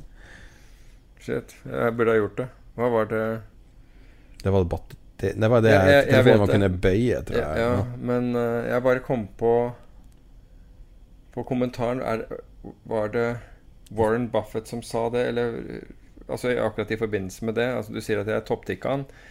Eh, altså Altså Man hyller ikke den som og, og, det er, og det skal man heller ikke. Man, man skal ikke hylle den som, den som kan forutsi været, men, men den som bygget arken. Altså Noahs ark, altså som gjorde noe med det. Uh, så hvis jeg topptikka den der, ikke sant, og uten Men- å gjøre noe men, men. Nei, jeg gjorde ikke noe med det. Ikke sant? Så hadde jeg gjort noe med det, så, så hadde det vært, liksom, eh, vært en recognition. Men, eh, men jeg syns den kommentaren for øvrig er god. Det er ikke noe vits altså, hvis, jeg, fin, den. ja, hvis du for, forecaster rain, men det er den som bygger arken, som, eh, som, som på en måte fortjener det. Um, og og i forbindelse med det så, så tenker jeg jo også at eh, jeg har sett litt på, på de der eh, i, I forbindelse med at vi, skulle, vi gjorde sånn rangering nedover på gull og alt, alt dette, så så jeg på noen av disse fondene som vi har, vi har snakket om og fremhevet, og nå i ja, godt over et år. Og hvordan de hadde gjort det. Og også nå i de siste månedene, og i mai. Altså Saba Capital, som eh, Boas Weinstein, var opp 3,61 i mai. Han er opp 77 i i år. Ja. Deepfield Capital, som vi har snakket om, om tidligere og, eh, og i år, eh, var opp 3,3 3,3 nå i, eh, i siste måned, men er opp 55% i år. Og det, det som er interessant med Deepfield Men er det, er det nok? Altså, kompenserer det For hva da? Nei, for å ikke være nødvendigvis trendfølgere i ti år, liksom. Skjønner du Ja, hva jeg ja, men greiene er at de, altså, Ja, det Altså Jeg er litt usikker når det gjelder Boas. Han, han trenger virkelig en bevegelse til nedsiden. Deepfield mye, mye mindre av det, fordi de har, deres programmer har stort sett tjent penger. Men sjekk dette her. altså Det, det fondet som, det som er et intradag mean reversion-fond. ok? Så, det, så du kan si som bare kjøper aksjer. Det går aldri short. Det har, det har et univers på 1500 aksjer av de mest likvide amerikanske aksjene. ok? Så alt som avviker, skal tilbake til min? Er det det som er Ja, altså, ja men da, da må du klare å definere minen og hva som er et avvik. Men hør her, det er kun intradag, så de sitter ikke med posisjoner over natt. Under, finan, altså under, den, under, det, eh, under eh, krisen i mars, da, hvor markedet falt fra hverandre De går kun long, de går ikke short. Så de har kun den ene siden å, å tjene penger på. Så har de tjent penger slik at de, var opp, de er opp 55% i år. Hvor stort er det? Jeg vet ikke hvor- mange hundre millioner dollar de har. jeg. Men litt størrelse på det. Ja, ja, For det her er en strategi som nødvendigvis kan være litt vanskelig å skalere? ja, Eller? ja, altså Foreløpig så har de ikke møtt, uh, møtt, møtt på pr problemer. Men greia er at de har, de har gått long i et i et marked. Altså de har liksom fanget altså Universet deres er 1500 aksjer. Jeg, jeg hørte og snakket med dem på De, de hadde en conference call. Eller de ble presentert på den konferansen som jeg nevnte for deg Mm. i, i forrige uke. De var der annet, så jeg deltok på, på, på det Hva kalles det? Sånn der rom hvor de presenterte fondet. Og, og, og, og stilte Bastian Bolesta spør, spørsmål i det rommet. Um, slik at jeg fikk enda bedre Altså Jeg har jo truffet disse her mange ganger tidligere, men det fikk enda mer inntrykk fordi jeg snakket med dem om, om de andre programmene de har også, ved, ved tidligere anledning.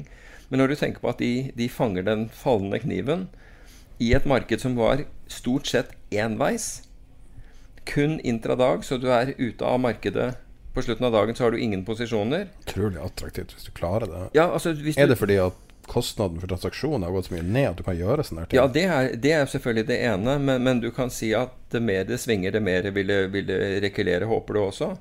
Men de tjener da, altså de er opp 55% i år, og det er jo et, et fond som du ville hatt overlaid på hva som helst. ikke sant? Fordi den, den er ikke avhengig av trenden i markedet. Den viser jo tvert imot at de tjener penger.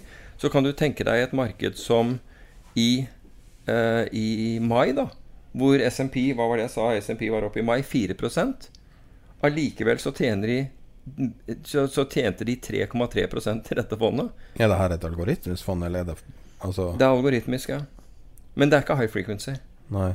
Nei, det trenger det vel ikke Men, men det, er, det, det, er kan ikke være helt Robin men, Hood. Nei, nei, nei, alt det de gjør, er modellbasert. Ja. Utvalget deres, alt det de gjør, er Jeg modellbasert. tenker bare på å administrere noe sånt. Altså, eh, er hver trade en ticket, liksom? Ja. Et helvetes eh, system. Jo, men det alt når du hadde short term trading, det er jo ja. litt samme Ja, men alt gjøres elektronisk, ikke sant. Men når du hadde short term Ja. trading, det fondet, ja. uh, måtte du Altså det oppgjør Altså når du skulle gjøre oppgjøret på slutten av dagen med alle tradene, er ikke det et helvete? Og Nei, det matches i clearinghuset eller, eller hvor som helst. automatisk, så om det er én eller 1000, så er det samme? Ja, du kan si hver har jo en line item, fordi du, du, du Altså det vil jo være en PNL på alle trader, men, eh, men dette gjøres jo dette gjøres jo gjennom datamaskinen. Så det er ikke et mareritt å holde på med? Nei, altså du kan si det, det er kun mareritt når eh, Eller mareritt eh, det, det er mer krevende når du har kjøpt hos en og solgt hos en annen. ikke sant, Den type okay. ting. Fordi da, da må det jo eh, verdipapir leveres fra den ene til den andre. og fra, ikke sant, den biten der. Men hvis det er gjort eh, sånn som i short term trading, hvor du hadde et clearinghus på den andre siden, så bare matches det i et clearinghus, og, og det nettes på kontoen din. Så da, da har du ingen egentlig store kostnader med det i det hele tatt posisjonen din er null, det, så du går hjem med null. Du får ikke margin, du har ikke marginkrav over natt. Du Det har, er jo det som er du har, også- du har bare en pluss-minus. Ja, men tenk deg nå hva du ekskluderer av risk her. Du ekskluderer jo nesten all eh, sånn eh, langt ut på halen-risk, sånn Donald Trump eller sentralbank, eller med å eliminere overnight-risikoen. Ja, ja. Det er veldig, det er det veldig som er, appellerende. ja, det er veldig, også at man ikke har mer sånne som overlays på andre porteføljer, det begriper jeg ikke, rett og slett. Altså. For hvis det kommer ting indre dag, så kan det jo stort sett stoppes ut, med noen Ja. unntak. Da, Ja, ja. Å, være Jo, men stort sett så kan du stoppes ut. Altså Intradag vil jo nesten alltid kunne stoppes ut. Ja, men over natt kan det Altså over natt eller over uke, over måned, så, så er det vanskeligere å Ja, der kan jo hva som helst skje. Over en weekend f.eks. kan jo Ja. hva som helst skje. Du vet jo ikke hvor det åpner opp på, på, på, på mandag, eller på altså, natt til mandag. Men de andre fondene de to da er, er Logica. De var ned 0,72 i forrige måned, men er opp 28% i år. Og så har du Quadriga Ineo, som, er en, som var opp 4,4 i, i forrige måned, og er opp 51% hittil i år. Så det er ganske behagelige sånne ting å, å sitte med.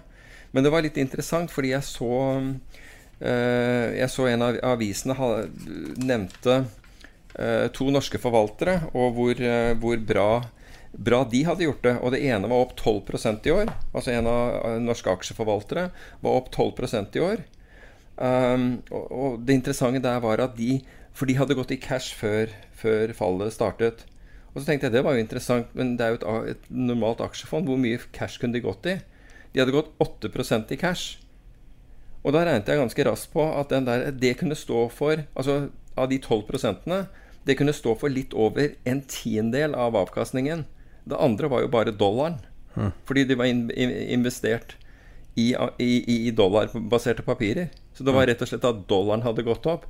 Så der ble på en måte genierklært for å, for å være Å, se hva vi har gjort. Men 8% gjorde ingenting. Så var det et annet fond, og de hadde også gått veldig Som da tydeligvis ikke hadde aksjefondets begrensning, som også ble trukket frem. Hvor fantastisk de hadde gjort det, for de hadde hatt så mye cash. Og da tenkte jeg ok, det, det, dette ser bra ut, men la meg nå se hvordan dette fondet har gjort det over tid. For så vidt begge disse fondene hadde gjort det over tid. Hadde de da slått benchmarken sin over tid? Altså, er dette noe som de systematisk er gode på? Ingen av dem. Begge var vesentlig Begge var dårligere enn en liksom, en passiv benchmark over tid. Men hvis man bare tar det isolert og sitter i cash i denne perioden, vil jeg si at det krever skills å komme til det punktet, for det er jo ja, her, her, Altså Cash gilder jo, jo men, når det er helt sånn crazy tider. Jeg er helt enig, og det gir deg en stor fleksibilitet.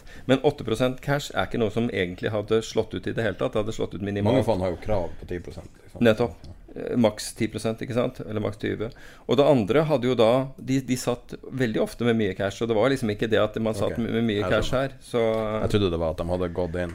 Nei, for, for, det, hadde jo en, det hadde jo faktisk vært en, en, story. ikke sant? At vi er veldig gode når, når, vi tror det blåser, og da blåser det gjerne også etterpå, så da, har, da er vi cash. Og det hadde, jo vært en, det hadde jo egentlig vært en bra story. Men po poenget her var at man hadde jo ingen historikk for at dette var en, en, bra story. Det var bare en tilfeldighet at man var mye i cash denne perioden også, som man hadde vært før. Mm. Så I forrige episode så starta vi det som var forsøk på en ny spalte. Uh, vi har jo hatt en tidligere. Da. Jeg kan spørre om du har lest noe siden sist. om jeg har lest Ja, det, hva var det siste jeg leste Jo, vet du hva jeg I påvente av den nye spalten. Ja, vet du hva jeg, eh, Det jeg har lest siden sist, jeg har lest Market Wizards om, om igjen. Den, uh, jeg tok og leste den. Uh, Hvilken? Den første. Jeg tok og leste, ja. Hvem var det som var Var det det som var med Paul Tudor Jones? Han er der, og Tom Baldwin er der. Jeg fikk et litt, litt annet inntrykk av, av, boken nå andre gang jeg leste den. Um, den C, det er vel fire bøker, er det ikke? Jo, jeg tror det. Hvis du tar med Hedge Fund Market Wizard, så er det Den tror jeg er fire. Um, jeg tror jeg skal ta lese nummer to, for den har bl.a. Bill Lipshot, som, var, eh, som, drev valuta hos uh, Salomon Brothers. For det, han var i hvert fall ikke nå i nummer én. Men Tom Baldwin, som var den største i pitten, uh, var der. Um, så leste jeg The Alpha Masters, det har jeg lest siden sist, som er også en bok som jeg har lest før, som er skrevet av Manit Ahuja. Ja.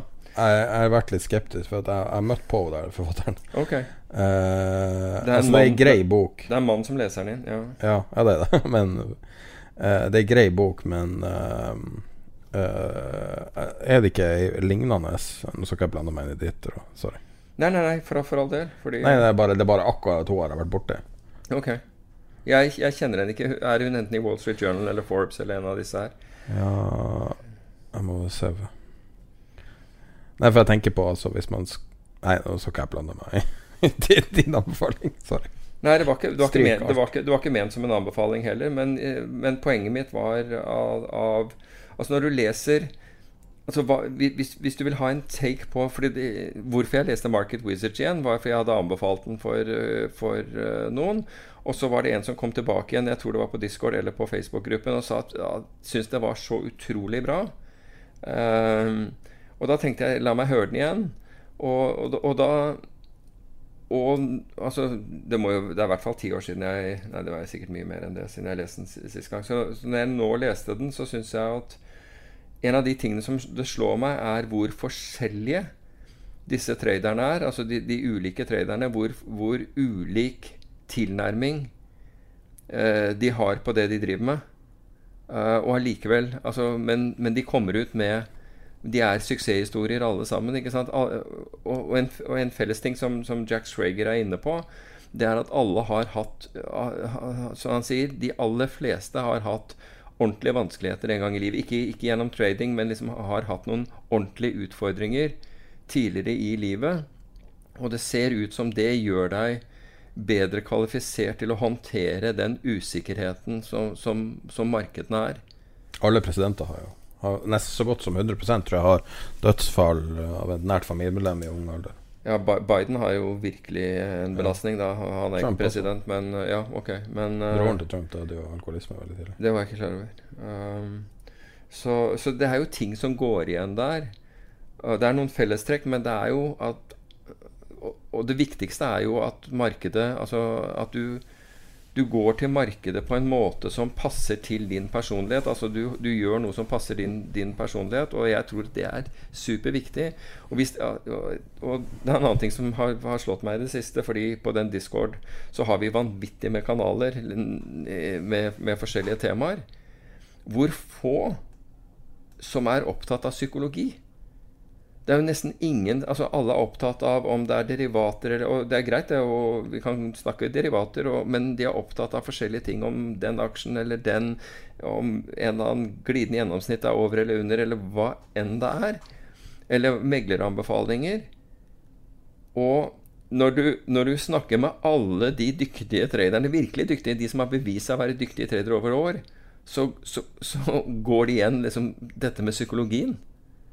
Ja, men, men, det blir feil å si at de ikke Jeg er litt nei, enig med deg. Nei, poenget, mitt, poenget mitt er at Fordi at de ikke skriver om ja, altså, vi, det, det, er ingen kanal for psykologi. Det er kanal for alt annet. Alle er opptatt ja. av det ene og det andre, men ingen er opptatt av eh, Bare for å fullføre Det som jeg oppfatter som er absolutt det viktigste at the end of the day, det er liksom hvordan du forholder deg. Men jeg kan, jeg kan ta det her fra, fra perspektiv som en som prøvde å entre denne verden. Og jeg tror Fellestegnet for en lytter av denne podkasten er at de på et eller annet vis forsøker å entre i større grad verden med trading og, og uh, en, altså jeg, jeg, tror mange ble interessert i det pga. ting som bitcoin, eller at de tilfeldigvis kjøpte en aksje på oppsvingen og gjorde det bra. Altså det, har, det, har, vært mye fokus. Det har gått bra for veldig mange. Uh, men det som er så utrolig uhåndgripelig med når man sier 'jeg vil begynne å trade', så når du begynner å lese de her bøkene, og som du sier, mm. alle de her folkene sier eh, snakker om at det er så psykologien er så viktig. Det er så viktig å vite hvem du er før du starter. Sånn. Nei, det, Som leser er ja. det helt uhåndgripelig. Du kan ikke gjøre noe med den informasjonen. Nei, og det er, er veldig vanskelig. Men jeg ville sagt at det er, det er ikke vesentlig. Det, og jeg ville ikke formulert det på den måten heller. Jeg, jeg, sagt, jeg mener at det er viktig at du trader på en måte som er forenlig med, med hvordan du er. Ja. Det jeg tror jeg er Det er det det står i alle bøkene. Ja, og, og det tror jeg er kjempeviktig. Altså, Men det, det er så vanskelig deg. å skjønne det. Så, jo. Nei, det er ikke vanskelig å skjønne det. For når du begynner med det, så er det ikke vanskelig å skjønne det. Hvis noe gir deg ekstrem ubehag, så er det ikke, så er det ikke den måten du skal, du skal, holde på. Så enkelt er det. Hvis du f.eks. Du, du ja, Hvis du er en grunnleggende optimist, så må du aldri finne på å shorte, liksom. Ja, det, det, kan være. Eller, eller, la oss si at du, du, du tror på Altså du, du, kjøper et eller annet for at det skal vare For du skal holde denne posisjonen. Du tror på at eh, aksjen La oss si det er aksje kommer til å stige til X i løpet av de neste seks måneder. Når du, når tar på den traden, så forandrer verden seg for deg. Det, det kan jeg love deg. Ved hver eneste trade, det du føler rett før, og det du føler når du har på, er vidt forskjellige ting det du endrer, da endrer det bildet seg for deg totalt. Du, du, kan tro at det ikke gjør det, men I promise you it does. I det øyeblikket du har skin in the game, game money on the line, forandrer, forandrer du deg. Hvis den personen som da eh, har et mål seks måneder fram i tid, gjennomgår fys eller psykisk smerte hver eneste dag denne traden er på Hver eneste fredag hater han weekenden fordi eh, pga. usikkerheten, da vil jeg si at liksom, da, da, må du begynne å jobbe med deg selv. Da må du begynne å jobbe med deg selv slik at altså, Da kan du enten prøve å forandre deg selv, og det, det er fullt mulig å gjøre, men du må begynne å bearbeide det. Eller så må du begynne å trade på en annen måte, fordi det er høyst sannsynlig at dette vil være så ubehagelig for deg at hvis du endelig kommer til, til Sareptas kroke i enden der, så har du antageligvis hatt det så vondt at du har ikke noe glede av det lenger. Så det må være forenlig med, den, med, med, hvem du er, og din personlighet. Og personligheter kan forandres. Men de her bøkene her, når man leser Det er det som er poenget mitt her. Det er at det du sier, er selvfølgelig helt rett nå. Men det som er, det, det som er så trist med den Den der skiss... Eller det, det, den enklaven som er rett utenfor landet, som er finance professionals så er det en sånn enklave full av masse folk som er eh, entusiaster, ivrige Enten har mye eller lite penger, det er ikke det det handler om, men at de, de trader på et eller annet vis som en amatør, kaver litt i mørket. Og er på jakt etter noe lys, er på jakt etter noe og, fordi at det er så utrolig vanskelig å ta de stegene. Så når man leser sånne bøker som eksempel Jack Schrager, og så ser du de folkene som bare snakker om hva de gjorde i fortida. Altså, på en måte har det ingen relevans for deg, fordi at det gir deg ingen steg for steg. Men dem som gir deg steg for steg, det er sånne fake guruer som gir deg et gratis webinar eller et eller annet, og da er det sånn som Hvis du googler de tingene og og så dukker du på navn som Anton Kreil og sånne typer folk, og Lex Van Dam og Altså folk som bare Altså, du hører på navnene deres, med folk som har ekstremt useriøst uh, rykte. Uh, så om, om det er riktig eller ikke, uh, det får så være. Men, men det er veldig mange fake guruer som da gir deg de her utrolig lette svarene. Her er alt Her er metoden din. Og så er det bare et eller annet treningssystem, eller, eller gud vet. Så folk som er i akkurat det der, som ikke er superamatører, og som ikke er pros, det er en veldig vanskelig verden å være i. Ja. Og det er veldig vanskelig å ta steget. Og derfor er det sånn som, sånn som deg får henvendelser hele tida. Folk vil at de skal, du skal, nei, de skal trade med dine penger, f.eks. Eller et eller annet tilsvarende. For de prøver bare å fable gjennom og prøve å ta steget, men vet ikke hva steget er. Fordi at det fins ikke et definert steg. Det er ikke en karriere med finans som er lett. Du kan ikke gjøre som en brannmann. Eller, altså, du må bli rekrutt, og så må du bli brannmann, eller gå politiskolen og bli politiet. Det fins ikke en sånn inngang til denne formen for finans.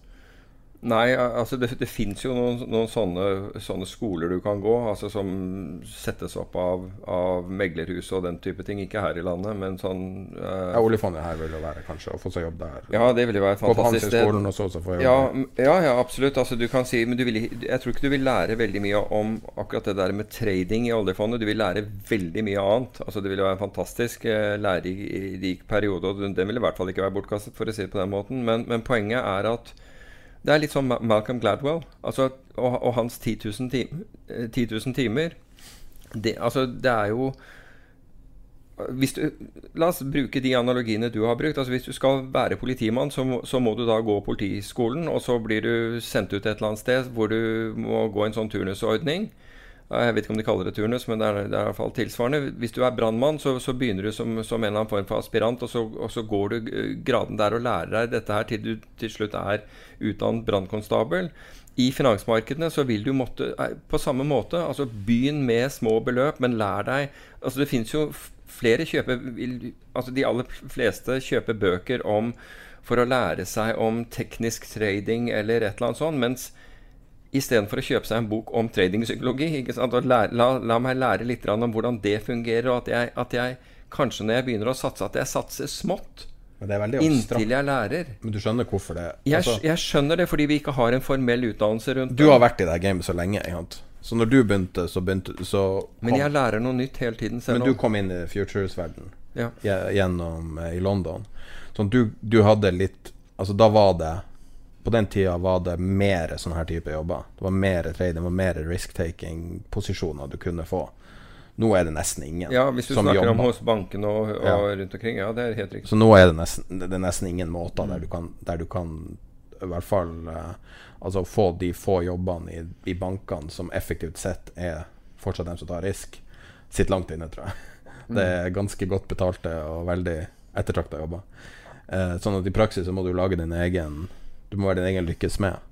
Og så har verden blitt effektivisert så til de grader siden 60-, 70-, 80-tallet. Sånn at nå er hver lille margin tatt ut i alle bauger og kanter. Ja. Men nei, det er, altså marginene er der, men, de er, men en annen ting, det er blitt også veldig mye billigere å handle. Ja, men det er det jeg mener så- med at marginene er tatt og, og på den måten, ja. Slik at, øh, men bare en, en sånn ting Jeg hadde lunsj med en, en, en lytter før jeg kom hit, og han fortalte om et, et eller annet, og han sa at der hadde jeg skikkelig flaks. Der hadde jeg virkelig flaks. Jeg tenker, det er det jeg vil høre. Altså I en, i en situasjon hvor jeg lurte, vurderte en, en person til å trade, det er akkurat det jeg vil høre. Han aksepterer det at der var jeg heldig. Andre sier at ville ikke ville, ville finne et narrative. Heter det, hva heter det på norsk? Heter det narrativ? Historie, liksom. Ja, ville, ville lage seg en historie for hvor smarte de var, og fremføre den istedenfor å si vet du, Der hadde jeg bare enormt flaks.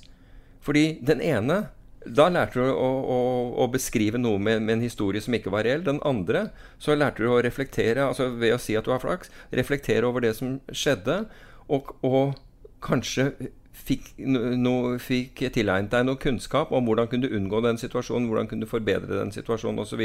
Ja. Og markedene, det er noe å lære hele tiden. Det er noe å lære, absolutt. Og, og, og en sånn, der, sånn enkel ting jeg satt på uh, litt sent på fredag uh, i, i, oljemarkedet. Og, og, og, tradet, og så legger jeg inn en kurs, og så tenker jeg Nei, vet du hva? Altså, nå er det, nå er det Klokka var vel i nitiden på fredag, eller et eller annet sånt. Skal jeg, skal jeg, skal jeg tilf, tilføre likviditet nå? Sent på en fredag skal jeg, bli, skal jeg bli betalt for det. Så jeg flytter prisen eh, opp en god del. Og det er bare sekunder etter at jeg har gjort det, så blir den tatt. Altså Jeg hadde blitt påkjørt hadde jeg vært der hvor jeg har vært, og måtte liksom virkelig jobbe for å klare å, å komme Er ikke det veldig utaktisk tidspunkt på uka å sitte og trade? Jo, nettopp. Med mindre du blir betalt for det. Og det var akkurat det der. Og egentlig så jeg så, jeg så plutselig at det begynte å bli aktivitet i oljemarkedet. Og derfor tenkte jeg ok, her, her dukker det opp kanskje noen muligheter. Og så fulgte jeg liksom det, det jeg vanligvis gjør, og så tenkte jeg vet, nei. Dette er altså akkurat som du sier, det er, det er, logisk. Og det slo meg ikke inn første omgang, men, men to sekunder etterpå så slo det meg. Vet, vet, vet, du hva? Altså Skal du være en liquidity provider, skal du tilføre markedet likviditet her, skal du bli betalt for ellers så gjør du det ikke. Ja. Og takket være det at jeg liksom minnet meg, meg på det, men det gir da ikke så, så, husker du det, og så vet du det. Det er jo tider på døgnet du absolutt ikke skal, skal trade, eller i hvert fall være veldig forsiktig og, og, ta deg godt betalt, og andre hvor du kan være mer aggressiv. Og dette er alle ting som folk kan lære. Det betyr ikke at Ok, jeg vet at fredag kan være litt illikvid, men jeg burde jo tenkt tilbake igjen for mange år siden jeg satt eh, litt over fire, og alle skulle på Tordenskjold, som var en pub eh, nede, be, nede i Rosenkrantz gate alle kollegaene, og jeg hadde ikke tjent noe penger den dagen. Jeg tenkte nei, jeg må tjene noe, så jeg tar en, en posisjon.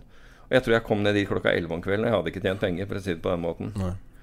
Um, så, så, det er lærdom, og jeg skulle, skulle så ønske at folk forsto at det handler mye mer om, om, den, om psykologi enn det handler om det rent tekniske. Når det handler om du vet om en eller annen aksje skal gjøre noe eller, hva, eller, eller, ikke, eller valuta eller hva det måtte være. Det handler vesentlig grad om din egen psykologi som bestemmer om du kommer til å tjene penger over tid eller ikke.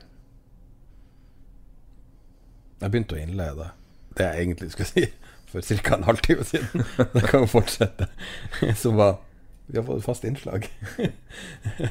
um, som er den tolvte Nei, den tiende mann. Uh, tenth man fra typisk Det er vel israelsk Akkurat den spesifikke israelsk etterretning, men nå er det jo uh, uh, Og da, da, er det, det ideen å prøve å komme opp med noe som alle er enige om at Altså ti av ti er enige om at uh, det er som det er. Det er ikke alltid like lett å komme opp med, med sånne her crazy altså Forrige var det at USA står, står for fall, og alt det står for, mm. kan kollapse. Så hvis vi går litt annen retning denne uka, og ikke kanskje føler helt um, uh, Og så da hørte jeg på podkasten til Skifter, um, som jeg anbefaler. Kan legge en link til det episoden i denne her. Um, jeg hører ikke på alle episodene, men denne episoden var verdt å høre på. Det var en kar som var selvutnevnt ekspert på Amazon, og så snakka han om at nå kommer Amazon til Norge. Og måten han la det fram på, var veldig troverdig og at eh, vi står foran en aldri så liten revolusjon på mange måter i Norge.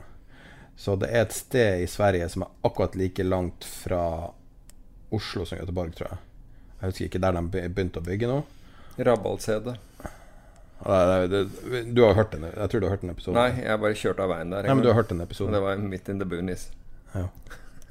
Jeg prøver å holde meg til temaet. Jeg vet at du har kjørt rally der. Nei, nei, jeg kjørte av veien ja. med privatbil. Eh, I hvert fall, poenget var Nå, nå sporer vi av i en halvtime, så jeg prøver bare å spore på igjen. Um, uh, du har hørt den episoden? Du sa den til meg at du hadde hørt den episoden med skifter? Ja. Um, og, og, det var en veldig troverdig case han la fram. Nå har det vært snakka om i årevis. Nå kommer Amazon, nå kommer Amazon. Så har du Schibsted og alle dem uh, piss i buksa og aner ikke hva som kommer. Og tenker nå kommer den store, stygge ulven og, og skal ta over. Uh, og det er jo en potensielt skikkelig black swan for Norge. Men det, altså, det trenger ikke å være negativt, men virkelig på et sårbart tidspunkt for handelsnæringa. Ja. Når man snakker om at så mye som 80% av sportsbutikker står i fare for å gå under i år. Altså, det er jo basically Altså, det er nesten ufattelige størrelser. Mm. Men det er jo selvfølgelig også de Altså de samme butikkene var vel sikkert ikke der for 15 år siden, så det, er jo relativt, det har vært en kort bølge. Men, men likevel, det Altså de tingene som skiller inn over dem som eier butikklokaler og restauranter og alt mulig, er nesten ufattelig. Så skal det jo sies at, at det tar litt tid før Amazon kan få noe særlig størrelse, og, og det vil jo ikke dekke hele landet eh, like bra. Eh, det vil jo være Østlandet, hvis de i det hele tatt kan komme inn i Norge pga. våre egne regler. Eh, men da er det om man har tatt inn over seg hva det vil si at Norge da Sånn som i USA, så eksisterer jo nesten ikke handelsnæringa lenger, fordi at alt er Amazon. Alt du trenger, kjøper du på Amazon. Alt. Uansett så er det bare inn, og så er det der samme dag eller neste dag. Og så er du med i sånn Amazon-klubb, så du betaler ikke for uh, frakta. Og, altså liksom hele det, det er en helt maskineri. Men det kan jo være veldig positivt, fordi at vi får bygd opp nye ting um, ehm, knytta til, um, til netthandel og til alt det. Det kan være, kan være positivt. Det kan være knuse uh, alle mulige etablerte butikker. Jeg vil ikke ha vært XXL når Amazon kommer til Norge, mm. men jeg vil kanskje ha vært kajakkbutikken, liksom. Så det, det, er jo forskjellige typer nisjer som, som vil gagnes av det. Men så spørsmålet mitt til deg, eller det jeg prøver å argumentere for, er at vi står foran et, et helt episk skifte i Norge, potensielt sett. Jeg tenker bare på, Tenk deg bare på alle rike familier i Norge omtrent eier næringsbygg. Det er jo sånn universelt. Oh, ja, så du, du tar det, det, det, er ikke bare handelsstanden du tenker på? Der, jeg tenker men, strukturert du, tenker, du tar hele, i Norge. Hele linja. Mm. Bare tenk deg prisnivået i Norge, som har vært så høyt så lenge. Tenk deg bare bokklubber Nei, altså bokbutikker. Bare det isolert, som er Amazon sitt mm. opprinnelige. Så det Amazon gjør, er at de går inn i nye land og taper penger i ekstremt lang tid nesten ube... Altså, det er jo der de virkelig taper penger, mm. og tjener inn på det her serverbusinessen. Uh, og de har visst tegn til at ikke være så interessert i global ekspansjon, så kanskje det her blir bare en, en uh, tam uh, sak som går av. Men det som er forventa ut fra den eksperten, er at, er at det skjer i juni. Nå? I år? Ja. Mm -hmm. Nå. Altså, vi er jo i juni. Ja. Han sier at det skjer i juni, for han mener at det, skjer i forkant av Prime Day, det, som er deres egen uh, helligdag, som der de mm. selger vanvittig mye.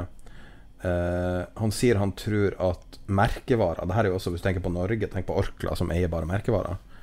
Uh, så tror de at merkevarer Altså, det man har sett som en tendens, er at merkevarer dør pga. Amazon. Mm. Så det som før var et eller annet et eller annet sjampomerke og, og sånn der type ting, sånn som man går i butikken og kjøper ketsjup og kjøper alle de her tingene her, det gradvis blir sånne house brands. Så på Elkjøp f.eks. så er kanskje halvparten av Elkjøp er house brands. Det, det, det vet du ikke, for det, mm. det er branda akkurat som det er. Uh, og det han hadde sett, var at merkevarene går tapt i det her Amazon-landskapet, med noen få unntak, sko og sånne her ting som er vanskelig. Så blir det gradvis erstatta av uh, sjelløse versjoner av det som kommer fra Amazon, da, der Amazon kontrollerer alt. Nå tror jeg ikke Amazon kommer til å ta over uh, Norge sånn som de gjorde i USA, men jeg tror at, uh, at vi står foran et helt sånn usynlig skifte som kommer bare til å treffe på så mange måter. Og jeg vil egentlig bare ha din take på det.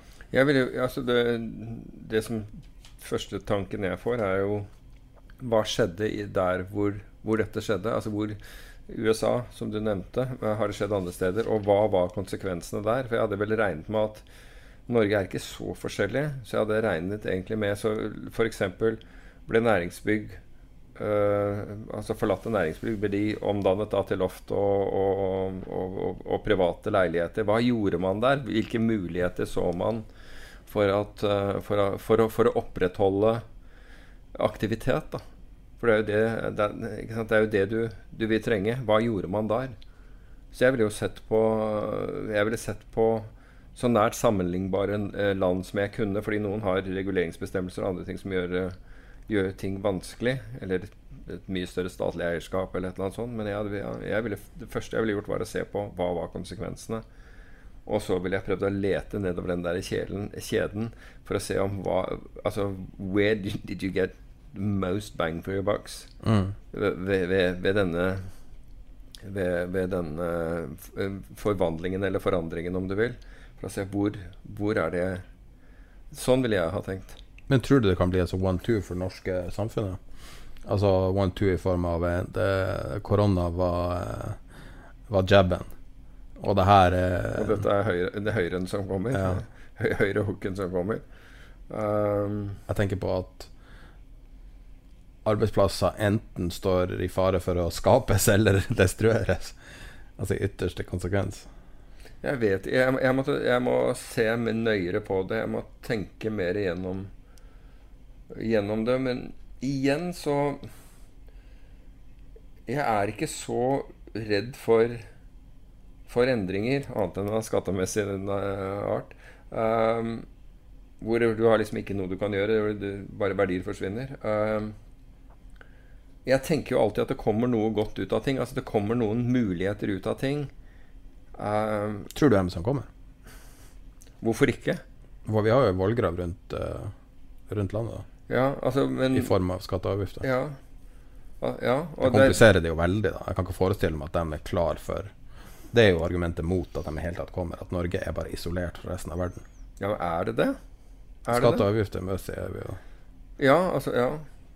Men, men du kan si at Er det nok? Det kan være nok, men er det nok? Jeg tenker på Sverige er verdens mest, nest mest effektive økonomi, bare slått av USA. Det er en økonomi der ting Altså man har fjerna masse sånne begrensninger som man har i Norge. For man prøver å stimulere opp. Derfor har du, hvis du ser på nettbutikker f.eks., altså merkevarer som kommer fra internett, så er Sverige helt i topp. Så Norge har ingenting. Norge, jo, Norge har vel kanskje OnePiece, det er vel det eneste som Men vi har ikke klart å bygge opp noe. Det er litt sånn tilfeldig at de har eh, Swims også, en sånn en. Sverige har 200 sånne, 500 sånne. Altså, de har eh, store, store internasjonale konsern i netthandelverden. Men, og det har liksom bare skjedd sånn helt sånn forsiktig. Du har eh, eh, rike familier som har finansiert mye av det. Eh, det bare, men det er fascinerende, for det er jo sånn, et sånn, sånn gigantisk skifte Ja. der bygget ikke har så lenger så stor verdi. Men vi har jo allerede sett det. Vi har allerede sett at bygget ikke har så stor verdi. Vi har Outlet på Karl Johan. Mm. Outlet jo, betyr jo lav husleie, så Ja. det kan jo umulig være bra for, for dem som eier byggene på Karl Johan. Tenker, altså det, blir jo, altså det blir jo ingen direkte link, eh, men litt, litt som da man besluttet å, å legge hovedflyplassen til Gardermoen. Altså Hvilke konsekvenser fikk det? Og det er klart at det fikk enorme konsekvenser for landområdene rundt der. Men altså hvis du, var, hvis du klarte å se for deg at en hovedflyplass og, kunne og, og så på luftfartstrender jeg gjorde ikke bare så det jeg sagt, så må du kunne ha sett at en, altså, selv perifere landområder kunne, bli, kunne få en stor verdi. Da. Um, de lokale områdene, de nærmeste områdene i, for, i forhold til bl.a. Altså, hoteller og den uh, ting, vil, det ville måtte komme opp. Bare parkering. Må jo være? Altså, det ville være mange sånne ting som altså, Jordet ditt kunne gjøres om til parkering. Altså, jeg tenker at det er litt sånn situasjon. At, hvis du bare, at det er ikke umulig å tenke seg til hvor du kan få stor effekt for en investering. da i en, i en sånn situasjon, istedenfor å tenke 'Å, gud forby, det her går med arbeidsplasser og hele greia'. Hva er det Men tror du f.eks. Tenk på Fjellsport, sånn stor nettbutikk i Norge som er veldig kapabel kar som driver. Uh, tror du de kommer til å slå seg sammen og bli norske Amazon med slå seg sammen fire-fem andre og bygge opp? Eller? Det burde de jo gjøre i en sånn situasjon. Det er rart at ingen har gjort det. Ja, det burde man, bør man jo gjøre. Everything Star. Ja, altså jeg bare tenker at hvis du, hvis du har et brand name og står for kvalitet, så, så, så bør du jo begynne å tenke på den måten. Fordi internett er kommet for å bli. Men det her er et tema som bevisst er bortebane for deg. Ja. Eh, men det var jeg hørte på en skiftepodkast og ble inspirert fordi at det også Hvis det her kommer, så, så vil det her garantert ha en eller annen konsekvens. Kanskje en stor en.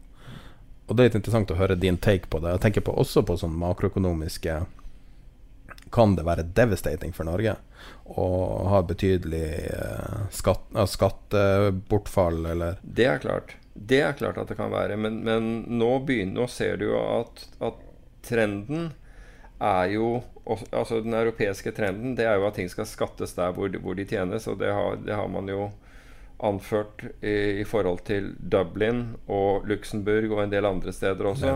Også sikkert. Nettopp. Så, så, så trenden er jo at, at vi, vi, vi, gir ikke Altså, vi er ikke noe skatteparadis.